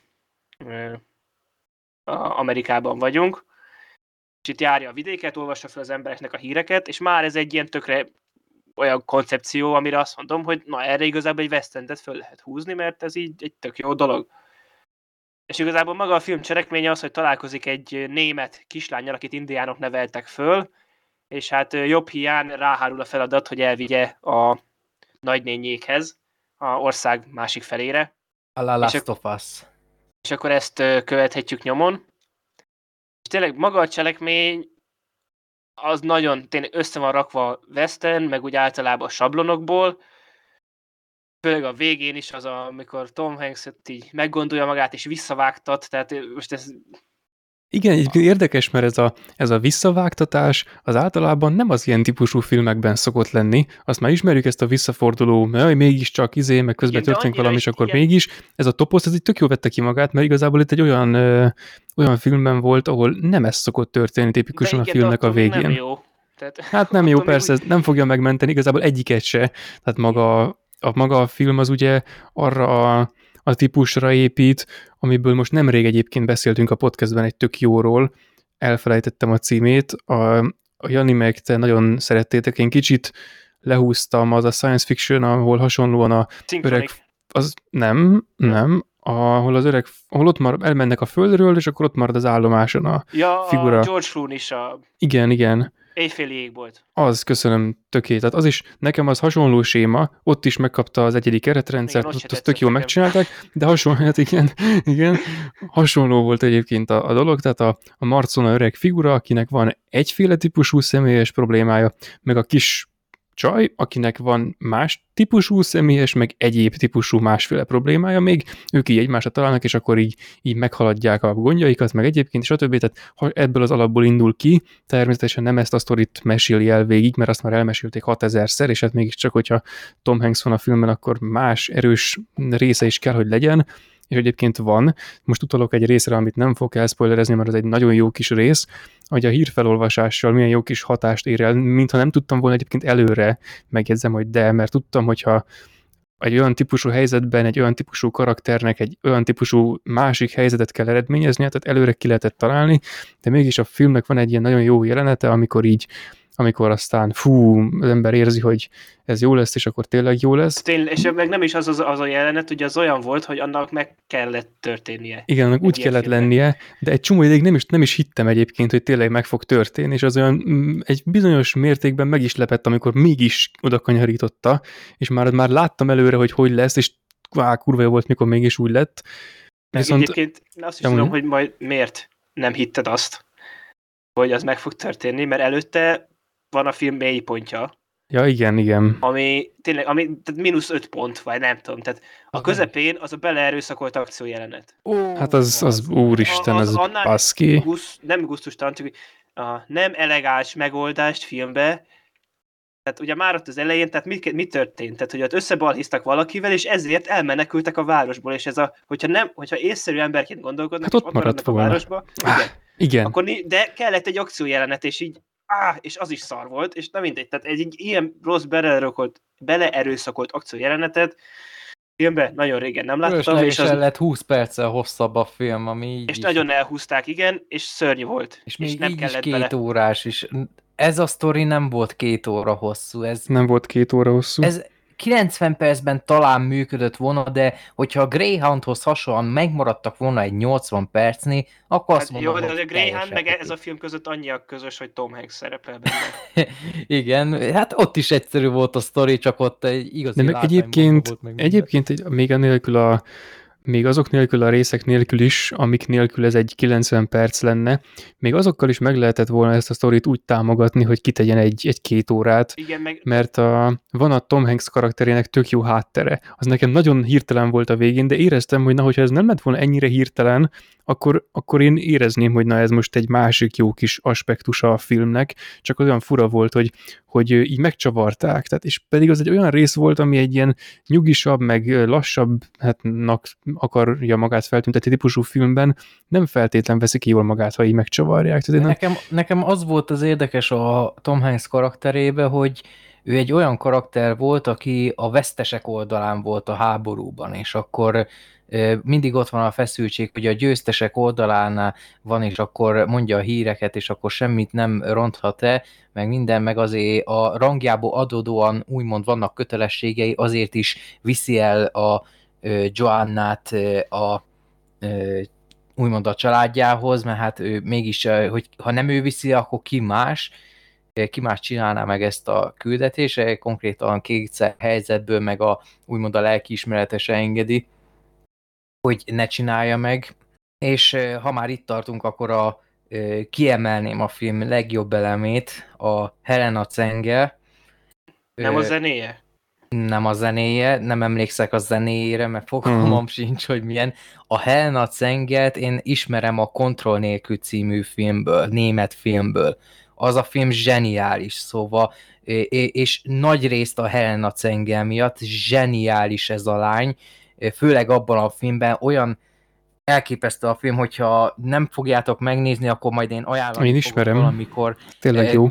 Jó, akkor Gergő így nem, nem okoztá nekem csalódást. A kontroll nélkül egy zseniális német film, amitől kurvára nem leszel boldog. Leszívja, leszívja az életenergiádat. A legjobb fajta német film, amit én nagyon szeretek. Ö, Ritkán találok ilyeneket, de hogyha találok, azért hálás vagyok, és felejthetetlen egy film. A Helena Szenger zseniális benne, és ebben a filmben is ő volt az az eleme, aki miatt így végig tudott érdekelni a film, mert az ő játékát nézve el tudtam hinni azt a benne lévő vívódás, hogy ő vissza akar menni az indián családjához, kinkes elvesen szenved, ordítja nekik, hogy a, hogy hívják a ö, ö, zöm, zömögő víznek a ö, lánya vagyok, most mondtam valamit, hogy a, a, az a jelenet az olyan szívszorító volt, az ő játéka miatt, annyira hatásos volt. Azzal, hogy nem szól semmit, és csak néz, és akkor ö, az annyira erőteljes, annyira hatásos. És, és ott megy a hatalmas mizé, folyó, nagyon jól néz ki. a, zseniális, szóval érdemes erre a rányra figyelni, és ö, ö, lemerem fogadni, hogy ö, ha nem is ezután a film után, de az biztos, hogy a kontroll nélkül után, meg ezután is így ez a film szerencsére emlékeztetett arra, hogy ja igen, a kontroll nélkülben még zseniálisabb volt, hogy amik készültek vele filmek, azokat most így utólag is pótolni fogom, szóval érdemes lesz ezt a lányt így követni. Most itt például találtam egy filmet, a Die Tochter, erre is vagy kíváncsi vagyok, itt még fiatalabb, szóval lehet, hogy nem annyira jó ki tudja, de ez így már érdekel. Már a pósztere is eléggé megnyerő, szóval Ja, számomra ez a film a Helena Cenge emlékeztető volt, hogy ja igen, őt uh, muszáj uh, követnem a karrierjét, mert nagyon jó, a filmre már nem emlékszek semmiből. Szóval ezt a film premierje után egy nappal néztem meg, szóval ez már másfél hónapja volt, és alig maradt meg ebből a filmből valami, az a néhány jelenet az oké, okay, az az akció jelenet az tényleg a semmiből jött, a zenére És a sehova ment. Ezt. Hogy?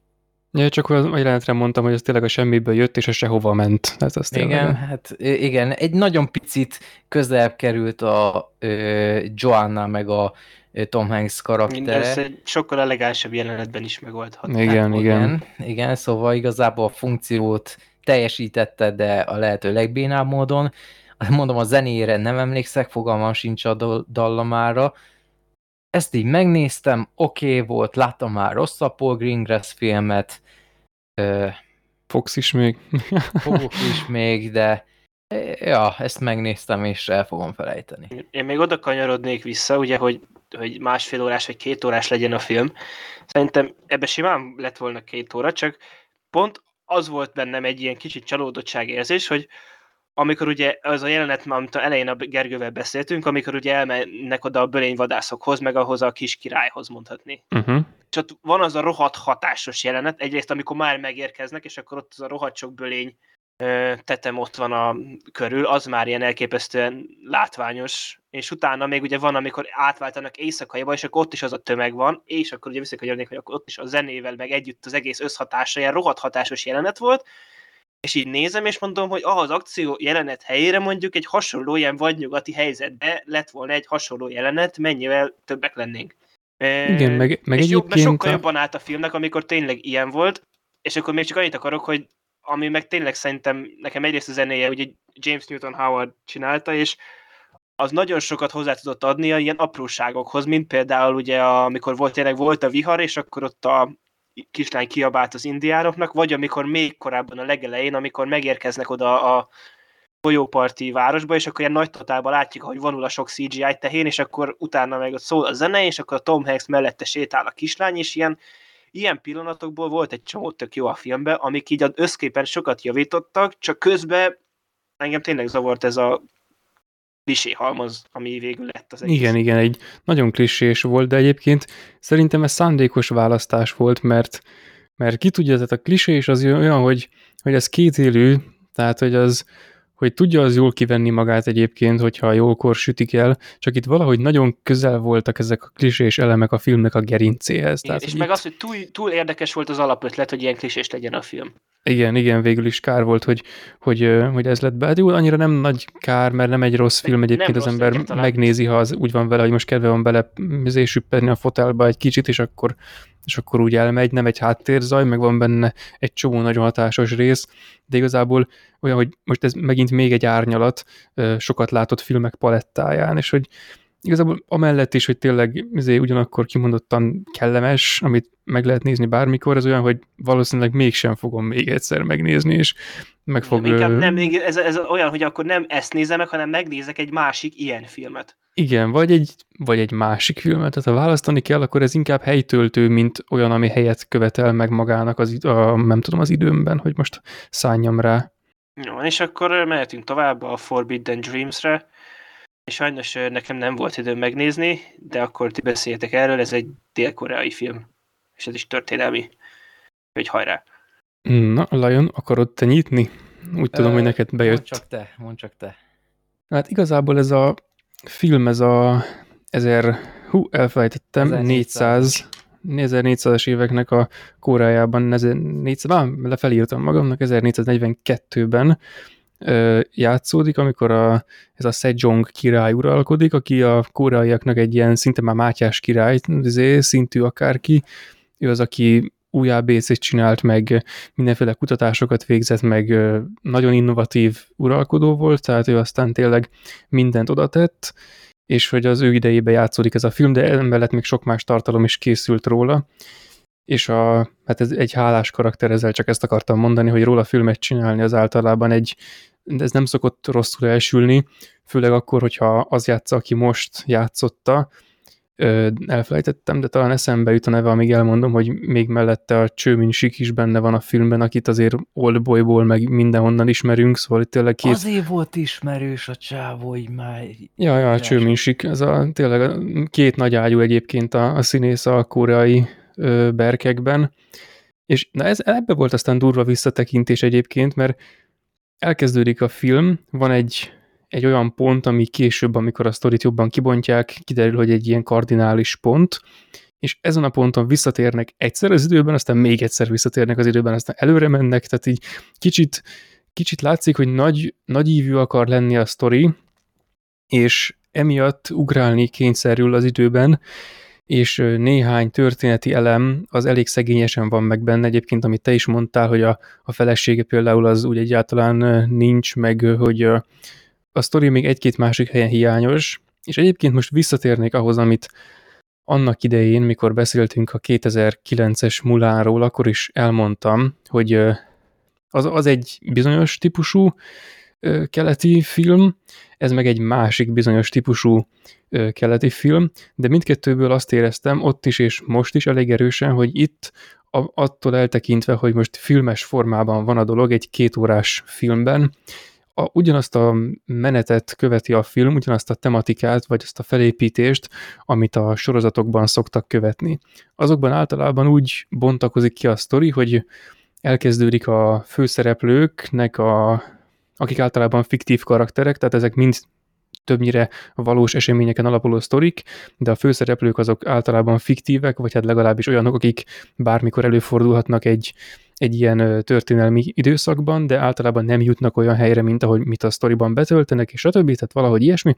Az ő kiskorukban kezdődik a sztori, aztán ott eltelik valamennyi idő, össze találkoznak a későbbi fontos szereplőkkel, aztán időugrás, és akkor a felnőtt korukban folytatják, és akkor utána jönnek az olyan típusú történeti elemek, mint amilyen például ez a film, kiegészülve nyilván még egy pár dologgal, amit most nem volt, mindegy, lényeg, hogy ezektől megmetszették, de még ezzel együtt is azt éreztem belőle, hogy ez nagyon a, a sorozatoknak a, a menetét követi.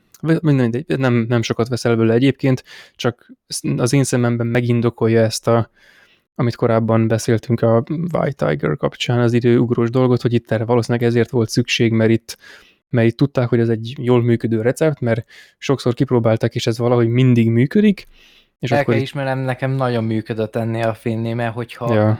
rögtön a régi múlta kezdtek volna, én e, nehezen tudom elképzelni, hogy annyira megfogta volna az érdeklődésemet, de így, hogy rögtön mutatott érdekes jelteket, a jövőben játszható részeket két külön időpontban, vagy az elsőnek a távolabbit mutatják egy nagyon hatásos képsorba, utána pedig azt, ami négy nappal korábban történt, utána pedig húsz évek korábban történt. Az elsőnek így nagyon soknak tűnhet, de mivel tudtam, hogy ú, te jó ég, mi a franc történt ez alatt a néhány nap alatt, és utána az egész történetnek az eleje 20 éve korábban kezdődik, így már ö, ö, felkeltette az érdeklődésemet, hogy aha, szóval ez a karakter rabszolga volt, és akkor ezért számított az előző ö, 10 perc annyira fontosnak ö, a karakterek számára, mert akkor számomra abban a pillanatban így tényleg egy kicsit ö, a semmiből jött, hogy ö, aha, igen, ez így ö, ö, fura, és akkor utána az, hogy 20 év. Aha,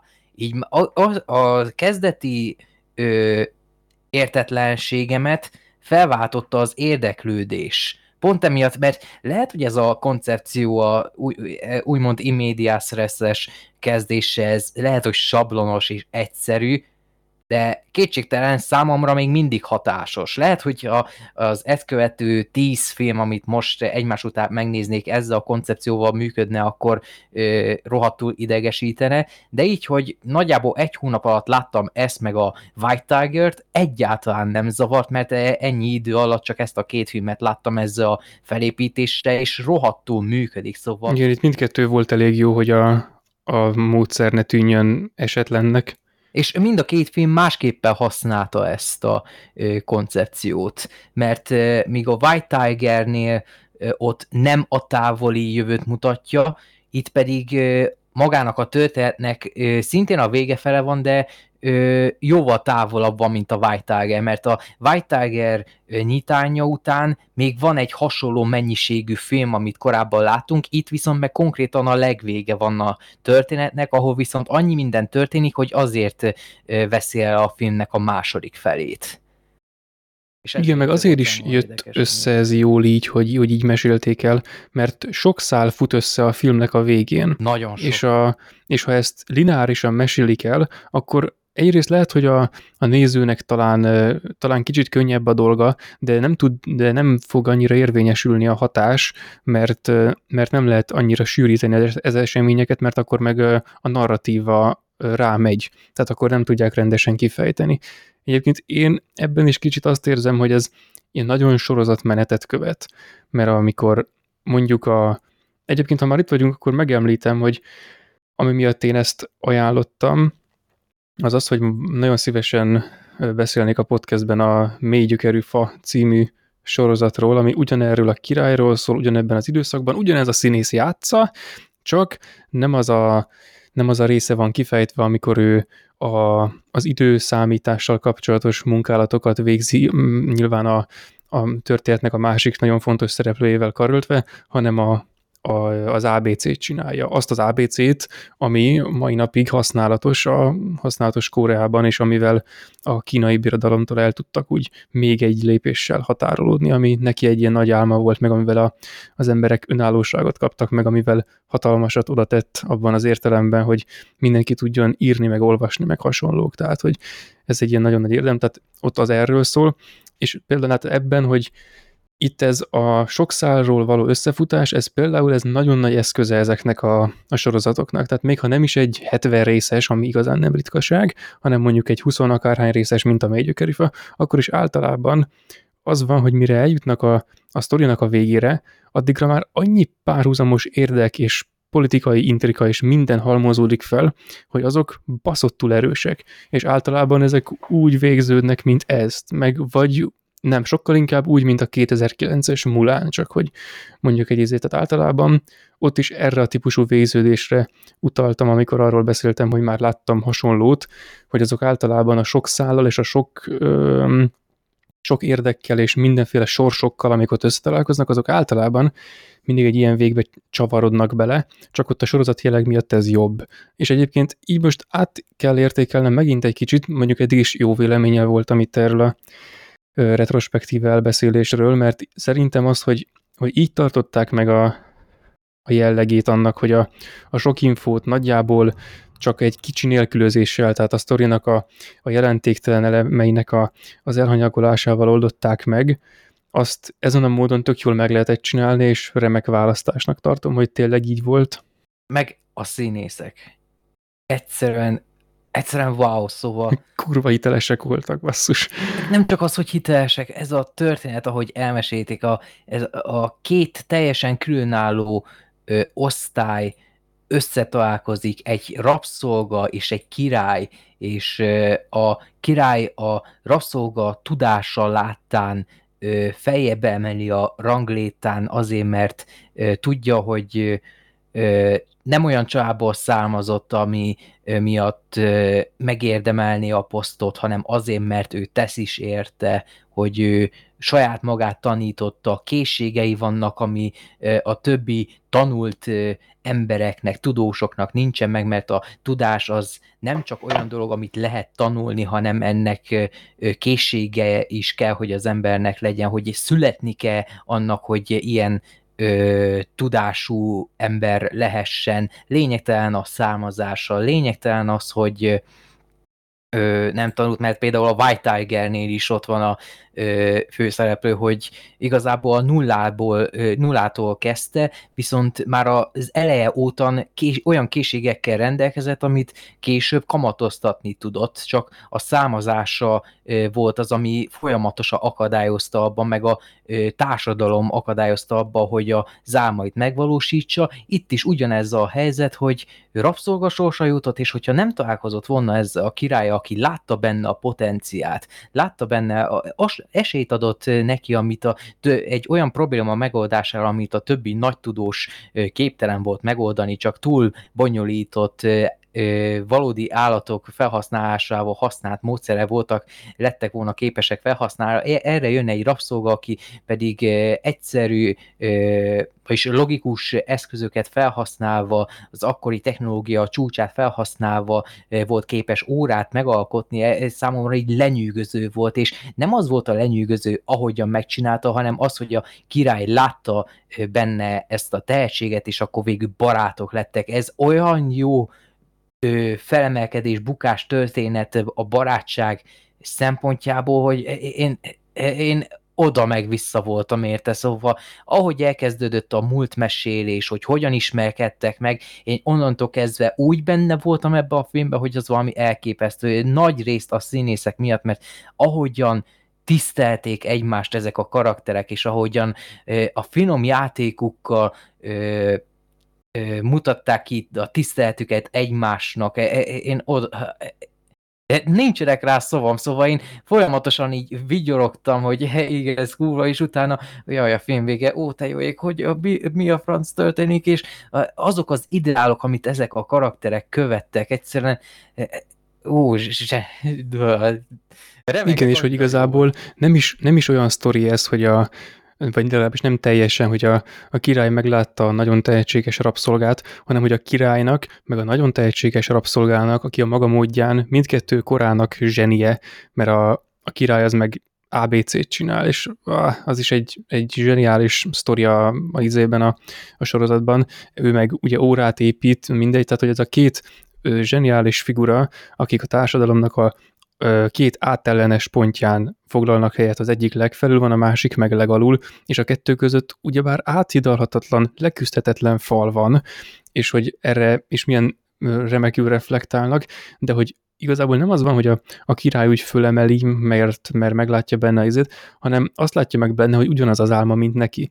És van egy rész, amikor ott kint ülnek egy ilyen olyan helyzetben, ahogy király és rabszolga egymás mellett soha nem ülhetne, és nézik az eget, és stb. Tehát az kurva jó kis rész, azt nagyon bírtam a filmben, hogy elmesélik, hogy, hogy abból adódóan, hogy az egyik király és a másik rabszolga milyen a kapcsolatuk az égre való felnézéssel, és akkor érted most ez a filmnek a mozgató rugója, hát milyen lehet az egész film kb. Tehát egy ilyen nagyon szép képeket festenek benne, meg az egész nagyon jól össze van. Ja, persze az is benne van, hogy maga az egész nagyon jól le van forgatva, úgy, úgy filmileg is, tehát nem az, hogy csomószor figyeltem benne, csak mert általában szoktam nézni, amikor egy film egyik fronton nagyon tetszik, hogy kicsit akkor hát el tudok vonatkoztatni, és valami másik módon is megtetszik, hogy még egy azon a szinten is valahogy kiemelkedően minőséginek tűnt.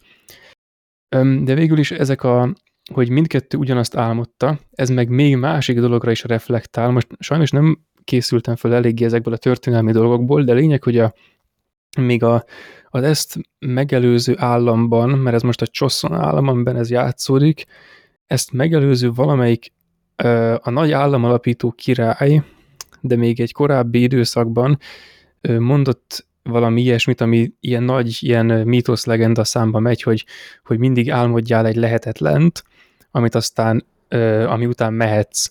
És valahogy hát lehet, hogy a filmnek a címe erre reflektál, de hogy minden utána következő királynak, vagy hát legalábbis ahogy ők ezt történelmi filmekben, meg mindenféle sztorikban feldolgozták, abban ez megjelenik, hogy amikor valaki egy ilyen hatalmasat álmodik, akkor azt a, az annak a megvalósítását dolgozzák fel, az mindig egy nagyon jó, jó sztorit eredményez. Szerintem itt is benne van ez a, hogy erre reflektál, aztán persze az osztály különbségek az, az hát téma, de igazából ez olyan, hogy ez nem megy tönkre attól, egy csomószor elmesélik, mert minden alkalommal úgy tudják elmesélni, hogy az valahogy zseniálisan jön ki belőle. Egyébként most így nézelődök itt az interneten, találtam ilyet, hogy a tudósról, a Jang Yongsi-ről is készült egy 24 részes koreai sorozat. Vagyis Mindenből sorozatot csinálnak. Szóval ez, ez, ez most ugyanaz a helyzet, mint az amerikai történelemnél, főleg a második világháborúnál, hogyha kronológiai, kronológiai sorrendben összeraknánk a világháború, az összes világháborús filmet meg sorozatot, egy teljesen működő narratíva jönne létre, annyi lenne a különbség, hogy a színészek változnak a legtöbb esetben, és csak nagyon-nagyon kevés esetben történne az, hogy a színész ugyanaz, bár most így hirtelen példát nem tudnék mondani, és akkor itt van a ö, Zhang Yongxil sorozat, és utána van a, a hogy hívják sorozat, amit te beszéltél, szóval még össze is lehetne kötni. Sőt, az a vicces tudom, egyébként, hogy ez a, amit én mondtam, ez a Major File, ez 2011-ben jött ki, de 2015-ben készült egy ahhoz képest egy előzmény sorozat, ami annyira azért nem jó egyébként, de ami ugyanabban a sztoriban egy, egy olyan 50 évet megy vissza kb. Nem, nem 50 évet, egy, egy 20 évet talán. Nem emlékszem pontosan. 20 valahány éve létezik a, az állam, amikor az a király, aki ebben a filmben szerepel, fiatalként a trónra lép, tehát nagyjából kicsit korábbra mennek vissza, és 50 részes sorozatot csináltak arról, ami hát azt is feldolgozza nyilván egyéb szórakoztató és fiktív elemekkel kibővítve, hogy hogyan alapítják meg az államot, hogyan mennek túl a, az azt megelőző, nem tudom, hogy hívták, korjó államon, talán a fene tudja, tehát hogy haladják meg a, az akkori berendezkedést, meg hogy dolgozzák ki, meg hogy mit, úristen, tehát kurva jó. És azt is tök jól össze van rakva, és ahol azok leteszik a fonalat, ott fölveszi a másik sorozat, és meg itt közbeékelődik ez a film, tehát tök jól, tényleg olyan, hogy tök jól végig lehet benne követni a, a kórhai történelmet az egészben, persze érintőlegesen kell kezelni, tehát akkor azért ők is rendesen romantizálják ezt a dolgot, meg kibővítik így úgy, de nagyjából az olyan dolgok, amikben az ember érzi, hogy na ez most elég történelmi tény szagú, abban általában hitelesek. Na, akkor ez lesz a pont ennek a mondatnak a végére. Legyen. És akkor mehetünk tovább a eltárs. másikra. Gergő küldött, Gergő által beküldött Dear Comrades-re. És ez nem lengyel, úgy azt hittem valamiért, nem tudom miért, de ez egy orosz film volt. E, időközben kiderült, nem tudom, hogy valamiért én azt gondoltam, hogy ez lengyel. De már nem fogom megtudni, hogy miért. E, és ez igazából röviden, egyébként ez a film, most azt is elmondhatnám, igazából olyan, mint a Snyder Cut, 4-3 és fekete-fehér.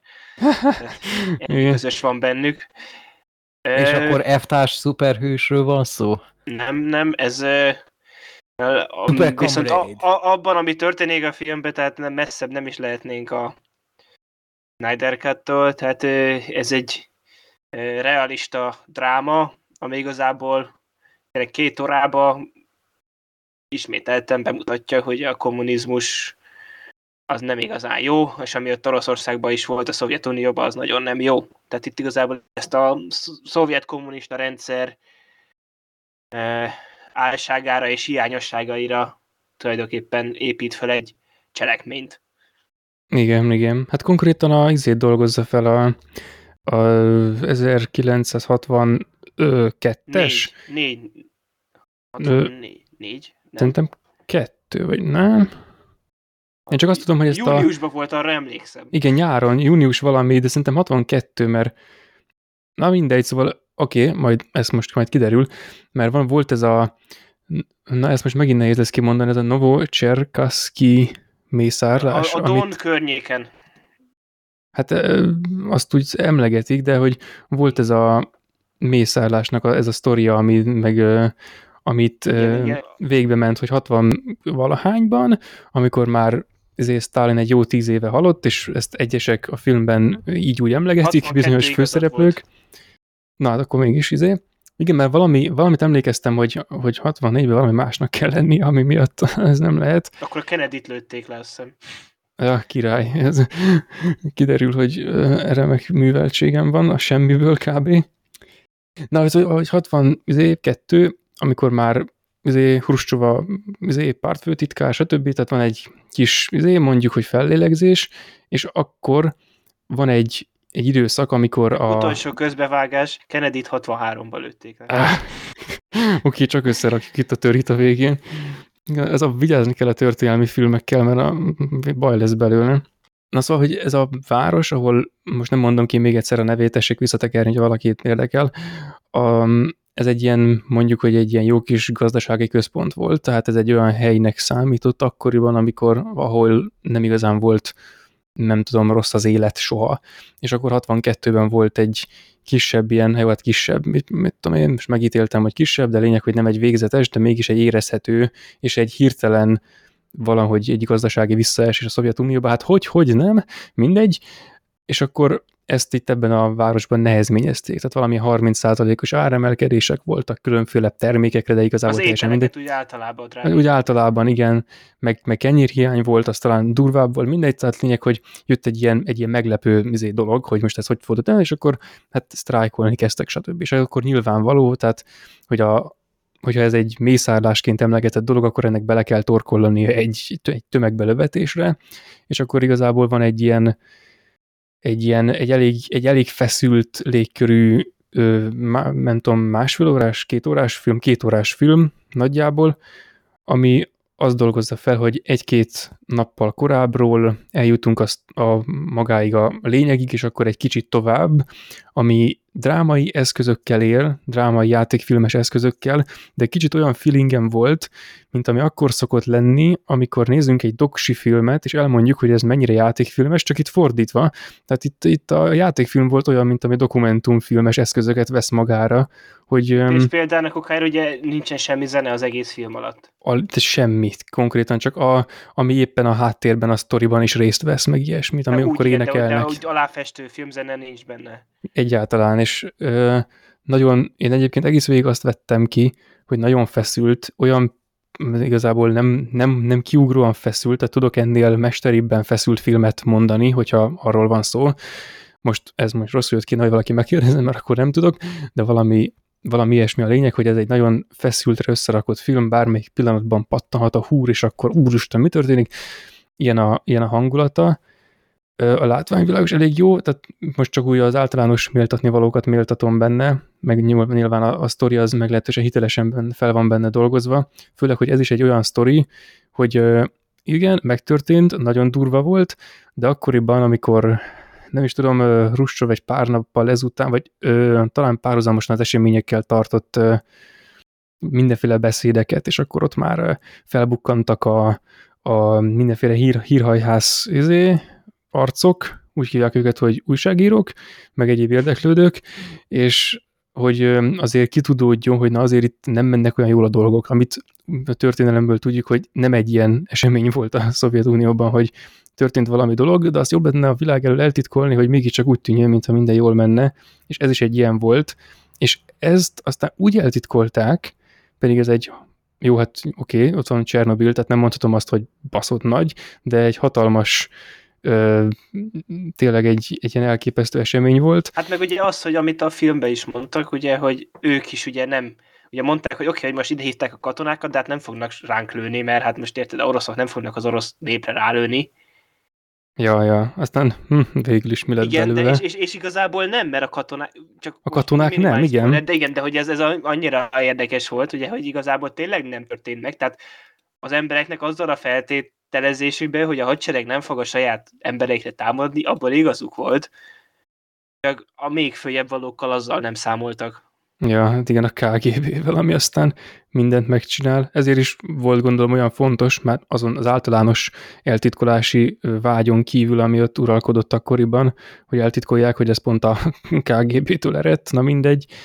És hogy azt még azt akartam hozzáfűzni, hogy, hogy az egész eseményre, ami történt, valami, valami negyed századdal az események lezajlása után derül csak fény de úgy egyáltalán. Tehát, hogy ezt is úgy eltusolták, mint, mint az ég, pedig ez egy hatalmas, nagy, nagy hírt, nagy portkavaró dolog volt, és utána, amit, amit el lehet képzelni, és ez a filmnek a második felét képzi, hogy van egy rész, amikor a, a főszereplő nő elmegy, és felkutass, hogy felkutassa a, lányát, vagy a lányának a holttestét, amelyik éppen szembe jön, aki ott volt a, a vizé tömegben, amiben belelőttek. És van, egy, van, hogy nagyon messzire elmegy, és akkor ott ilyen névtelen, izé, random ásott helyen, stb. keresnek. Most nem mondom, hogy megtalálják-e vagy sem, de egyébként az még éppen nem a filmnek a tetőpontja, úgyhogy lehet sejteni, hogy izé, meg hát amúgy is most ez egy nyilván ez a, hogy a nő az egy fiktív karakter, vagy sem, azt nem tudom, de elég erősen azt érzem, szóval igazából a történelmi dolgokra való tekintettel akár is mondhattam volna. Na mindegy, csak hogy, hogy mennyire utána fogták a résztvevőket, és így szétszórták a izén, tehát teljesen elkapták, elvitték, pá, hogy nyomuk se legyen olyanok, akikről nem lehet emlékezni, meg nem lehet semmit mondani. Igen, ami egyébként azt, ami még mint film érdekes, ugye, hogy ez egy 2020-as film, és hogy mondtuk, fekete-fehér és 4-3-as képarányjal, és film készítésileg is, tehát egy nagyon érdekes húzás, hogy tehát olyan ez a film, mintha 62-be készült volna minden téren. Aha.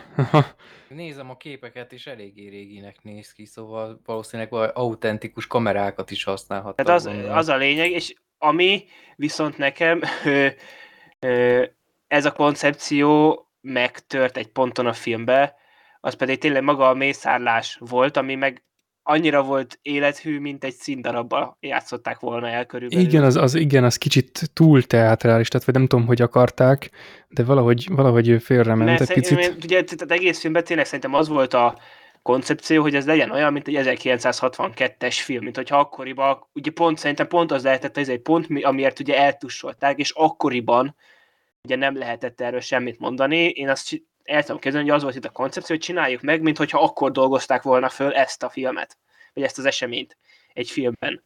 Aha, Csak ugye tényleg ott van ez a tényleg egy olyan izé, tüntető tömegbe belelőnek, és ott hullnak az emberek, és tényleg olyan effektekkel, meg mindennel, ami tényleg mű a pejoratívan művi volt, és Ja, az ja. nekem ott az megtörte. De azt leszámítva, meg tényleg végig mm, de megle- meglepően, tehát jobban érdekelt maga a film, mint vártam, hogy fog. Tényleg így. igen, egyébként a, a történelmi filmekkel én is mindig általában úgy vagyok, hogy itt most ezt nagyon jól össze kell rakni, de valahogy egyébként a legtöbbnél sikerül, és egyébként itt is sikerül, de tökre leközött a, ami történt. Igen, meg az, hogy tehát nyilván so- azért sűrűn ilyen filmet nem nagyon nézek, kommunizmusról bemutató filmeket, de tényleg, tehát ezt, ezt is bát szívesen ajánlom mindenkinek, csak arra kell tényleg felkészülni, hogy ez tényleg nagyon olyan lesz, mint egy régi film. Ja, és, És- egyébként, ha, ha itt tartunk az ajánlásnál, akkor elmondom, hogy kinek a nevével van ez fémjelezve. Ez az Andrei Konchalovsky, aki nem akárki, mert a, én egyébként két filmnek kapcsán ismerem őt. Az egyik a Tarkovsky féle Andrei Rubjov, amiben ő részt vett a készítésben, 66-ban. A másik pedig a Tango és Cash. Szóval Meg a szökemény vonat. Meg a rohadt. Tehát, hogy ez azért nem egy Meg akármilyen a Diótörő paletta. 3D. Tehát- És hogy én azután jöttem rá, hogy, hogy ő csinálta ezt a filmet, hogy korábban elkezdtem utána olvasni a sztorinak, hogy oké, okay, majd megnézem ezt a filmet, de hogy miről fog ez szólni, mert azért tudjam már nagyjából, és akkor nézem a rendezőt, hogy na ne, ne, ne, és visszamegyek, és basszus tényleg, tehát André Rubio, meg a, a többi, amit el lehet képzelni, hogy ez aztán egy széles paletta.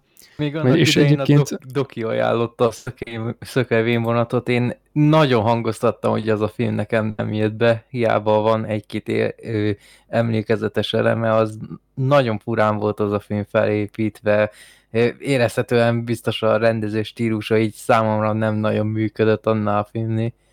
Eléggé fura volt a stílus. Igen, én nem láttam a szökevény vonatot, de ennél a filmnél szerintem nem azok a stílusjegyek fognak előjönni, mint a szökevény vonatnál. Hát végül is az a 85-ös film, meg teljesen más stílusban, meg műfajban. Igen, úgyhogy egyébként ezt a filmet küldte Oroszország az Oscarra idén, de ugye, mint tudjuk, nem került be, pedig ennek is simán, és tényleg én már pedig szerintem pont azért gondoltam volna, meg az De más kategóriában megjelölték, szóval legjobb főszereplőben, meg legjobb mellékszereplő, meg legjobb vágás. Na, amúgy igen, a vágás, az, ja, Most nézem. azt mondom, hogy ez, azt teljes mértékben odadom a pontot. Jelölték Oscarra a legjobb vágásra. Én nem tudom, én csak helyeseltem, hogyha Itt van, De- itt van. De nem, hát itt van most legjobb vágás, The Father, Nomádok földje, Ígéretes fiatalnő, Metal csendje és Chicagói hetek tárgyalása. Ja, várjál, nem. Ja, rosszat nézek, jó van, na. Ha, jó van. Hát Nem nem, nem ez egy orosz film, meg ugye oroszul, ezt a Nem, idegen nyelvűre. Nem, én rosszat néztem. A szökevén vonatot néztem. Az jelölve volt legjobb vágásról. Jó, fura. Igen, hogy már csak amiatt is egy érdekes film, hogy tényleg 2020-ba, meg amúgy azért megnéznék erről egy így készültet. Hmm. Hogy tényleg az, hogy 2020-ban hogyan csinálsz hogyan csinálod azt, hogy a filmet tényleg olyan hatás legyen, mintha egy 1962-es film lenne. Kérdezd Amúgy egy csomó olyan beállítás volt egyébként, amikor itt teljesen elgond, így meg is állítottam, hogy így, hogy most basszus, ez milyen rég nem láttam ilyen beállítást. hogy ma már nem csinálnak így filmet, mint ahogy ezt csinálták. Van egy csomó ilyen, Például amikor most kocsiba vannak. a kocsi, nagyon, igen, Nagyon föltűnő volt. meg amikor, amikor kocsi megy a távolban, de nem, a, nem annyira a távolba, hogy nagy totál, hanem így, így megy, és akkor van arról egy hosszabb snit, így, így vagy jobbról a kép közepe felé, vagy balról ugyanez, és hogy- na, nekem azok annyira régiesek voltak, és tök jó volt ilyet látni, mert egyébként ez egy, nem egy izé azért kukázott snit, mert izé, hanem mert ezeket hosszabban, nem tudom, ki kell tartani, meg rá kell szánni, hogy most máshogy akkor csináltak filmet. Hát ilyen- akkor. Igen, ilyen teljesen, tehát- Vannak a hidegháborúban is, azt hiszem 17-es, arról, arról Igen, na például, igen. korai adásban, ott is ugy, ugyanúgy 4-3-as képarányú, viszont azon érződik, hogy az modern film, de ott is azért voltak olyan elemek, főleg vágás terén, hogy sokáig ö, kihúztak egy eltet, hogy egy ember vagy egy kocsi ment a távolba, és akkor sokáig mutatták a kamerába, szóval ezt azért egyre gyakrabban látni filmekben, meg alapjáraton ez a 4-3-as képarány számomra már nem egy úgymond újítás, mert a Saul fia óta így egyre többször előveszik ezt a képarányt. Legaktuálisabb eset most Zack Snyder igazságligája, szóval már ott tartunk lassan, hogy ez már egy elfogadott filmkészítési stílus, Hát de ez eddig is ez volt. koncepció. Ö, De az elmúlt 5-6 évben így nagyon sok lett, és úgymond már nem különlegességként tartják az emberek számon, hanem ö, történet ö, mesélési elemként nagyon jól működik, hogy én nagyon alulértékeltet tartottam nagyon hosszú évekig a 4-3-as képarányt, főleg a hidegháborúnál jöttem rá én is, hogy lényegtel, hogy 4-3-as ugyanúgy elképesztő képsorokat lehet a Hát- szűkített Ez igen, meg az is benne van, hogy- hogy- De ez most szerintem ez, ez nem feltétlen igaz, hogy erre most a Saul fia miatt jöttek rá. A Saul fia az annyit csinál, Hát azt hogy... tette népszerűvé, úgy értettem akkor. De, ez, de azt mondom, hogy ez nem volt szerintem kevésbé népszerűbb. Azelőtt a Saul fia az egy újszerűen közelítette meg, és tök jó használta. Ha bár azt se feltétlenül igaz, mert előtte is volt egy csomó horrorfilmnél, mind a mai napig használják. És előtte is ö, használták. Meg az, hogy tényleg, tehát akinek ezzel baja van, én azt nem tudom érteni, tehát körülbelül, amikor egy ö, 16-9-es képen nézed, akkor ugyanannyit kép tűnik el, van feketén, mint amikor ö, 21-9-es nézel, tehát mozifilm széles vásznút, csak máshogy van beosztva, és igazából én mindig úgy vagyok vele, hogy tök mindegy, milyen képarányban van a film, olyan szempontból, hogy nyilván, hogyha valamilyen adott képarányban van egy film, akkor valószínűleg annak a rendezőnek azzal valami oka van, hogy azt azt választotta. Nyilván itt majd Na- Snyder Cut-nál ott, ott megbeszéltük, hogy valószínűleg ott nem sok oka lehetett. De az, hogy tehát, hogy ez, hogy most szerintem ennek nem kell, hogy visszatartó erő legyen bárkinél is. Ja, ja, de meg egyébként az is benne van, hogy ha megnézzük, akkor egy ö, 4-3-as képarány, meg mondjuk egy 21-9-es képarány, ami az az ultrawide, amiben mostanában készülnek a Ami a filmek, és, standard film. igen, és ami egyébként a monitoraimnak is a képaránya, úgyhogy nem panaszkodom, az konkrétan a kétszerese a 4-3-asnak, tehát az, ha most így átszámolnám pixel számba, hogy az pont mekkora, nem tudom, 2560x1080, az pont a fele a vizé, tehát az nagyjából csak arra akartam kihozni, hogy a 4-3-as képarány az általában, legalábbis az én elgondolásomban az egy másfajta, vagy hát nem lényegesen, meg nem alapjaiban más, meg attól különböző, de mondjuk, hogy egy nagyjából egészéből a, plánozás tekintetében egy más, másfajta forgatási stílust megkövetelő, nem tudom, képméret vagy képarány.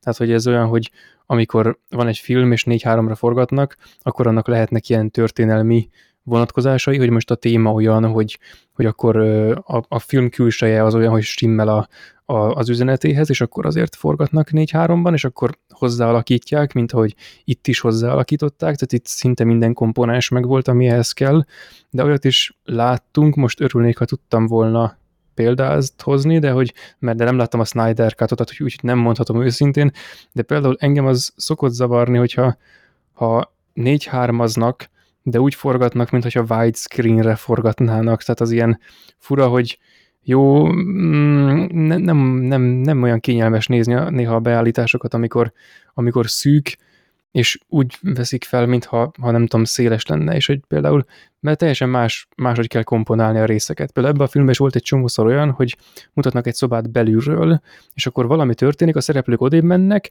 és akkor teljesen át volt komponálva, hogy a kamerát ne kelljen nagyon megmozdítani, mert ez egy ilyen bevett dolog, hogy, hogy nem tudom, a, ott hagyják, és akkor csak történnek a dolgok, de hogy például ez, a, ez egy olyan módszer, amihez át kell gondolni és nem lehet csak úgy, nem tudom, áttérni egyikről a másikra. Hát teljes koncepcióváltás kísérheti a dolgot adott esetben.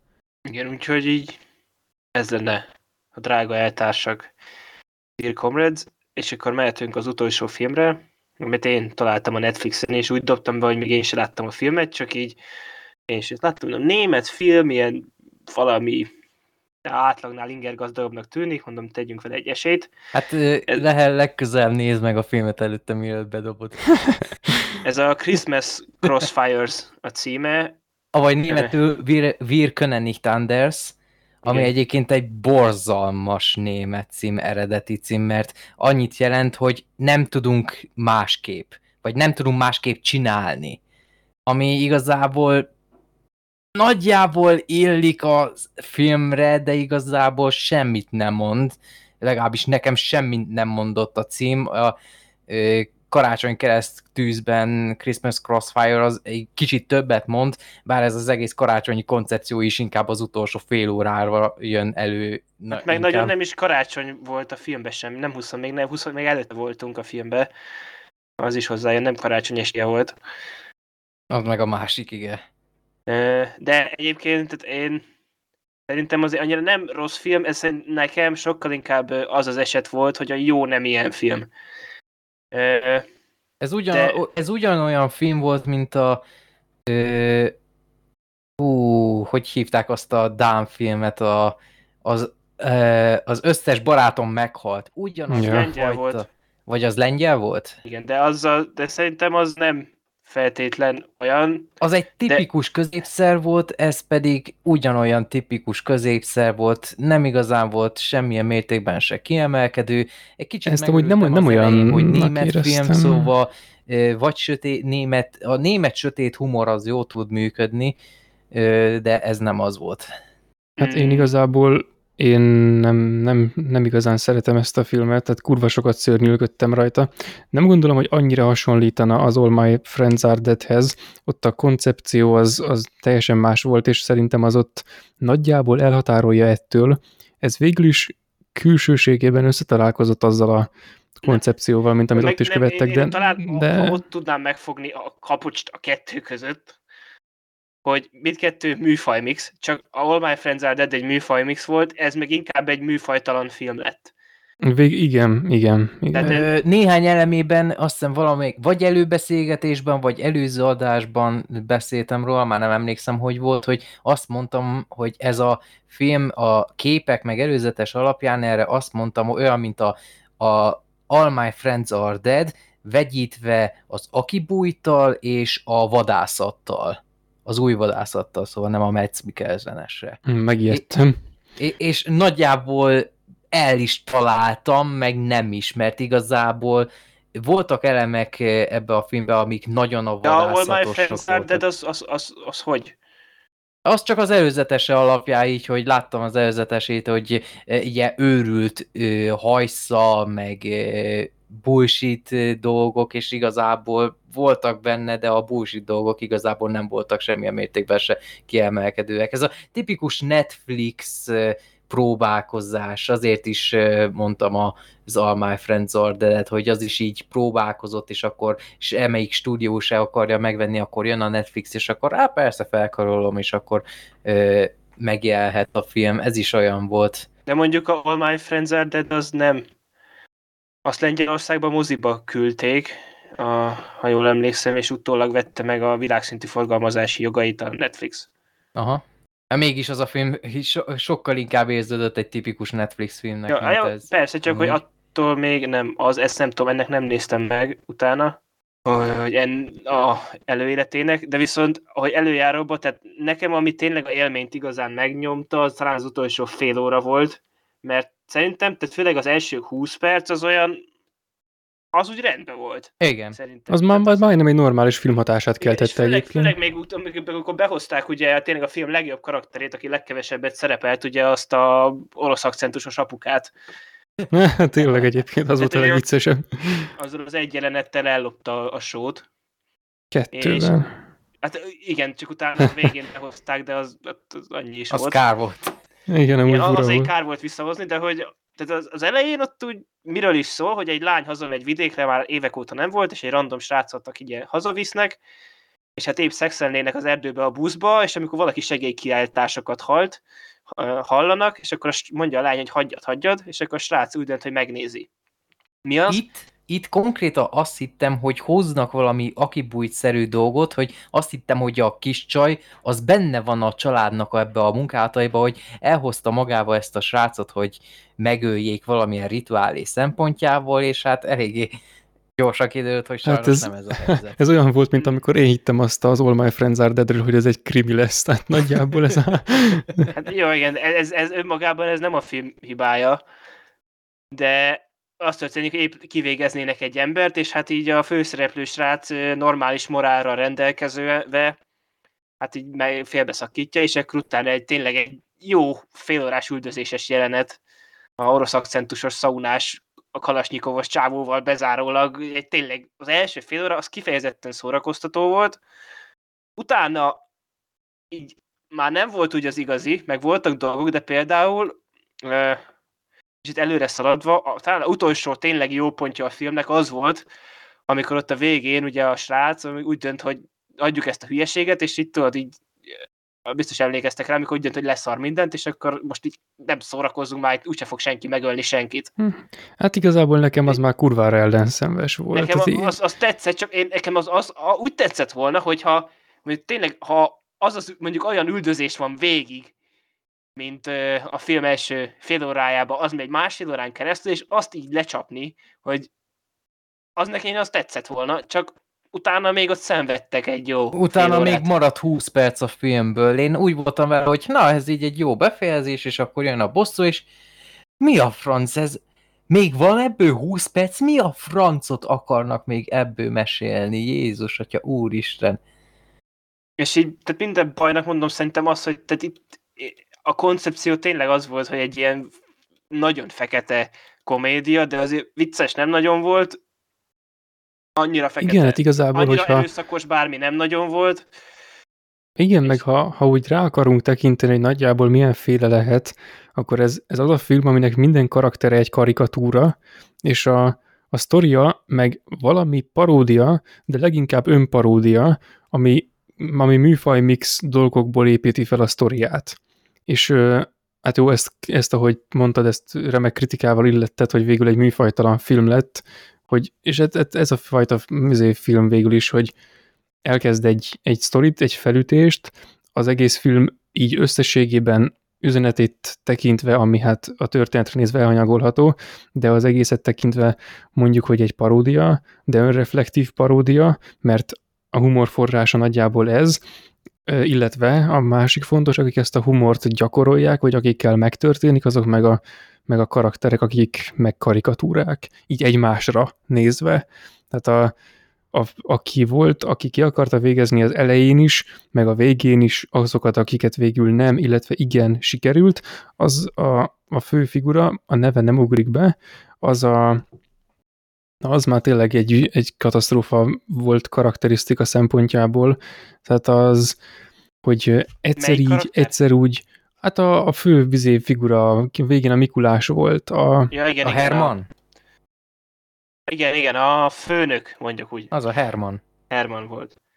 Igen, igen, igen, igen, Herma, igen, igen, ő. Tehát hogy az ő karakterén már egy idő után röhögtem, de úgy kínomban, és akkor ennek örültem, hogy kínomban röhögök, mert lehet, hogy a film ezt akarja. Tehát ilyen kicsit fura élmény, amikor nem tudod eldönteni, hogy most a, a filmnek a hibája, hogy nem röhögsz rajta, vagy a tiéd. De, és, de igazából, ahogy azt megtámogatnám, amit, amit Lehelte mondtál, hogy a, a filmnek az első fele, az egy teljesen normális, ö, szórakoztató, hát ilyen komikus, de azon a módon tök jól működő filmnek a hatását kelti. Aztán beleszalad egy ilyen kicsit kicsit unalmasabb, kicsit középszerebb, kicsit identitásvesztettebb filmbe, ugye a teljes közepét tekintve, aztán a vége meg olyan lesz, mintha ő egy olyan filmnek lenne egy gyengébb változata, mint amilyen volt mondjuk az All My Friends Are Dead, csak másik műfajban. Tehát, hogy mintha egész végig egy kurva elvetemült dolog lenne, és most azt akarná úgy lezárni, mintha itt már tényleg elengedte volna magát. Csak ugyebár itt nem, nem igazán... Tényleg az, hogy fekete komédia lévén nem volt elég fekete. Tehát Igen, tehát hogy ott közben ott leültek a dolgok, meg az, az eleje, a felütés az tökre rendben volt, abból kurva jó fekete komédia lehetett volna, csak inkább egy picit így, így leült ott azon a, nem tudom, a táján, meg ilyen erőltetett részek voltak, hogy nem értettem, hogy most ezt miért kellett ezt a részt meg, meg koreografálni, meg megírni, meg megcsinálni, tehát tök fölösleges volt. Nekem ott tört, ott tört meg a film, amikor a kis csajra fókuszáltak, a szőke kis csajra, amikor elment a rendőrségre, és akkor ott volt az a szerencsétlen csávó. Hát az ott, kurva idegesítő volt. Ott valami olyasmit akartak, mint amit a Villains, a 2019-es Villains csinált, hogy vannak ezek a kínos karakterek ebbe a kínos szituációba, hogy itt van ez a kis közösség, ez a kis falu, ami el akar, előrekszik ez a közösség, Nekem volt szerencsém a munkámból adódóan egy ilyen előregedő közösségnél eltörteni két hetet, és eléggé fura egy olyan közösségben lenni, ahol mi ott vagyunk relatíve fiatalok a sok idős között, és akkor az időseknek szokatlan az, hogy alapjától az, hogy olyan sokan vannak a kis faluban, és hogy hirtelen megnyílnak a lehetőségek, a boltok is egy kicsit jobban kinyitottak meg minden, és akkor itt a rendőrcsávó esnek így érdekesnek indult, hogy ebbe a közösségbe az jut a fiatal férfiaknak, ami jut. Szóval ő egy relatíve fiatal, életképes férfi, akinek már csak egy 48 éves idős nő jutott, aki már kételen arra, hogy gyereket szüljön, hogy is hogyha képes lenne még szülni, sajnos már csak az apára hárulna a feladat, hogy az utolsó években tovább nevelje, mert hát a korkülönbség miatt értelmszerűen ő maradna életben, és akkor benne van ez a szexuális frusztráció, amit a színész is egyszerűen borzalmasan tudott kezelni, meg a rendezés se tudott semmi fekete humort kihozni belőle, mint a Villains tudott, vagy más hasonló filmek. Egy kicsit a vaskabátok is eszembe jutott ott a kult faluval kapcsolatban, hogy az is eléggé betegesek voltak ott a karakterek, és ott a sztereotípiákkal is nagyon jó foglalkozott az Edgar Wright, csak hát ott volt egy Edgar Wright rendezőnek, szóval megíró yeah, is, yeah. szóval ez az egész film, ahogy behozta amúgy... ezeket az elemeket, úgy már érezhetően kezdett szétcsúszni, még nem volt vesz, veszett a helyzet, mert még nagyjából érdekelt pont az ereje miatt, mert egész jól működött az a 20 perces nyitás, csak így szépen fokozatosan így szét szerte foszlott, szerte, szét, széjjel csúszott ez a, az egész vacak, és a végére már én is csak kínomban voltam képes nevetni, és igazából én nekem is fokozatosan egyre nehezebb jelenetekre emlékezni, mert ez is az a fajta film, hogy így szétcsúszik, hogy meg lehetett egyszer nézni, de ez egy igazi ble film. A leg, hát az meg a... egyébként azok a részek, amik, amit kiemeltél, amikor a rendőr ö, sráccal találkozik, meg még azon kívül talán van még egy-kettő ilyen, amikor így a filmben egy szereplő így panaszkodik az ő helyzetéről, hogy így elmondja, hogy hát itt, itt előregedik a falu meg, hogy neki milyen szar, és ezt, akkor ezt így, így, így elmondja ennek a régi valakinek, akivel annak idején egy iskolába jártak, stb. Tehát izé, de nyilván akkor arra már senki nem emlékszik, vagy nem akar emlékezni, mert mit tudom én, mert akkor a kínos szituáció alakul ki, vagy a fene tudja, de hogy én ezt alapból nem kedvelem, és de azért elnézem. Tehát elnézem, hogyha a film ezen túl mondjuk nyújt valamit, tehát például van valamilyen funkciója annak, jó, funkciója az mindennek van a francia meg egy filmben, de hogy mondjuk valamilyen az egészre nézve valamilyen érdeme abban, hogy, hogy mi történik annak, hogy ő ezt így elmondja szóban, ahelyett, hogy ezt mondjuk egy ilyen filmben komikusan megmutatnák.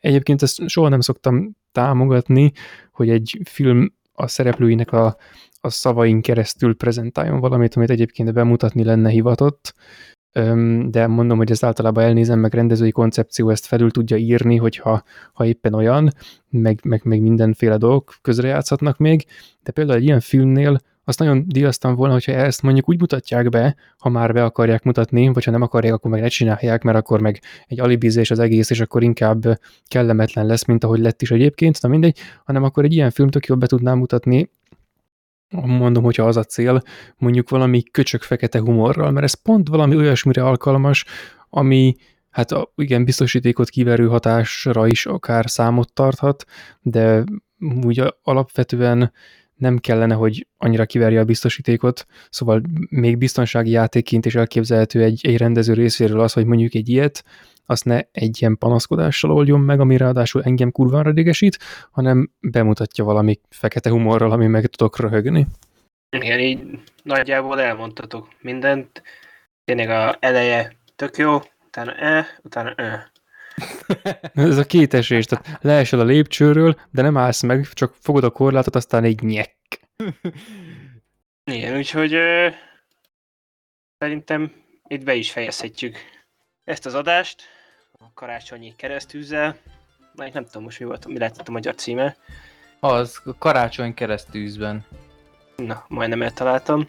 Ezt se fogom többet megnézni. És hát szerintem én se leg, le, legközelebb nézd meg a filmet, mert hogyha olyan lett volna, mint a Villains, akkor egy igazi kellemes meglepetés lett volna, hát de sajnos nem. Hát néha rossz filmről is kell beszélni. Lehessen rendelni. Ebben a... Keres egy Kilen... újabb tra- Tragedy Girls-t. Ha még egy olyat találsz, akkor hálás leszek. Jó. 91. alkalommal voltunk Filmnéző Podcast közösségi médián, filmnéző podcastként Facebookon és Twitteren tudtok követni, ahol megtaláljátok majd az adott adásokban, hogy nagyjából milyen filmekről fogunk beszélni, azt előre legközöljük, ha bár ezt ennek az adásnak a listáját pont nem írtam le, de a három filmeseket, meg a nagyobb projekteket mindenképp le lesznek közölve rendszeresen, és a YouTube mellett szinte az összes podcast alkalmazáson hallgathatóak vagyunk, és Discordon van egy közösségi szerverünk, ahol tudtok velünk filmekről beszélgetni, vagy bármi másról. Úgyhogy köszönjük szépen, hogy ezúttal is végighallgattatok minket. Én Lehel voltam, itt volt velem Gergő. Sziasztok! És Tom Lion. Halli!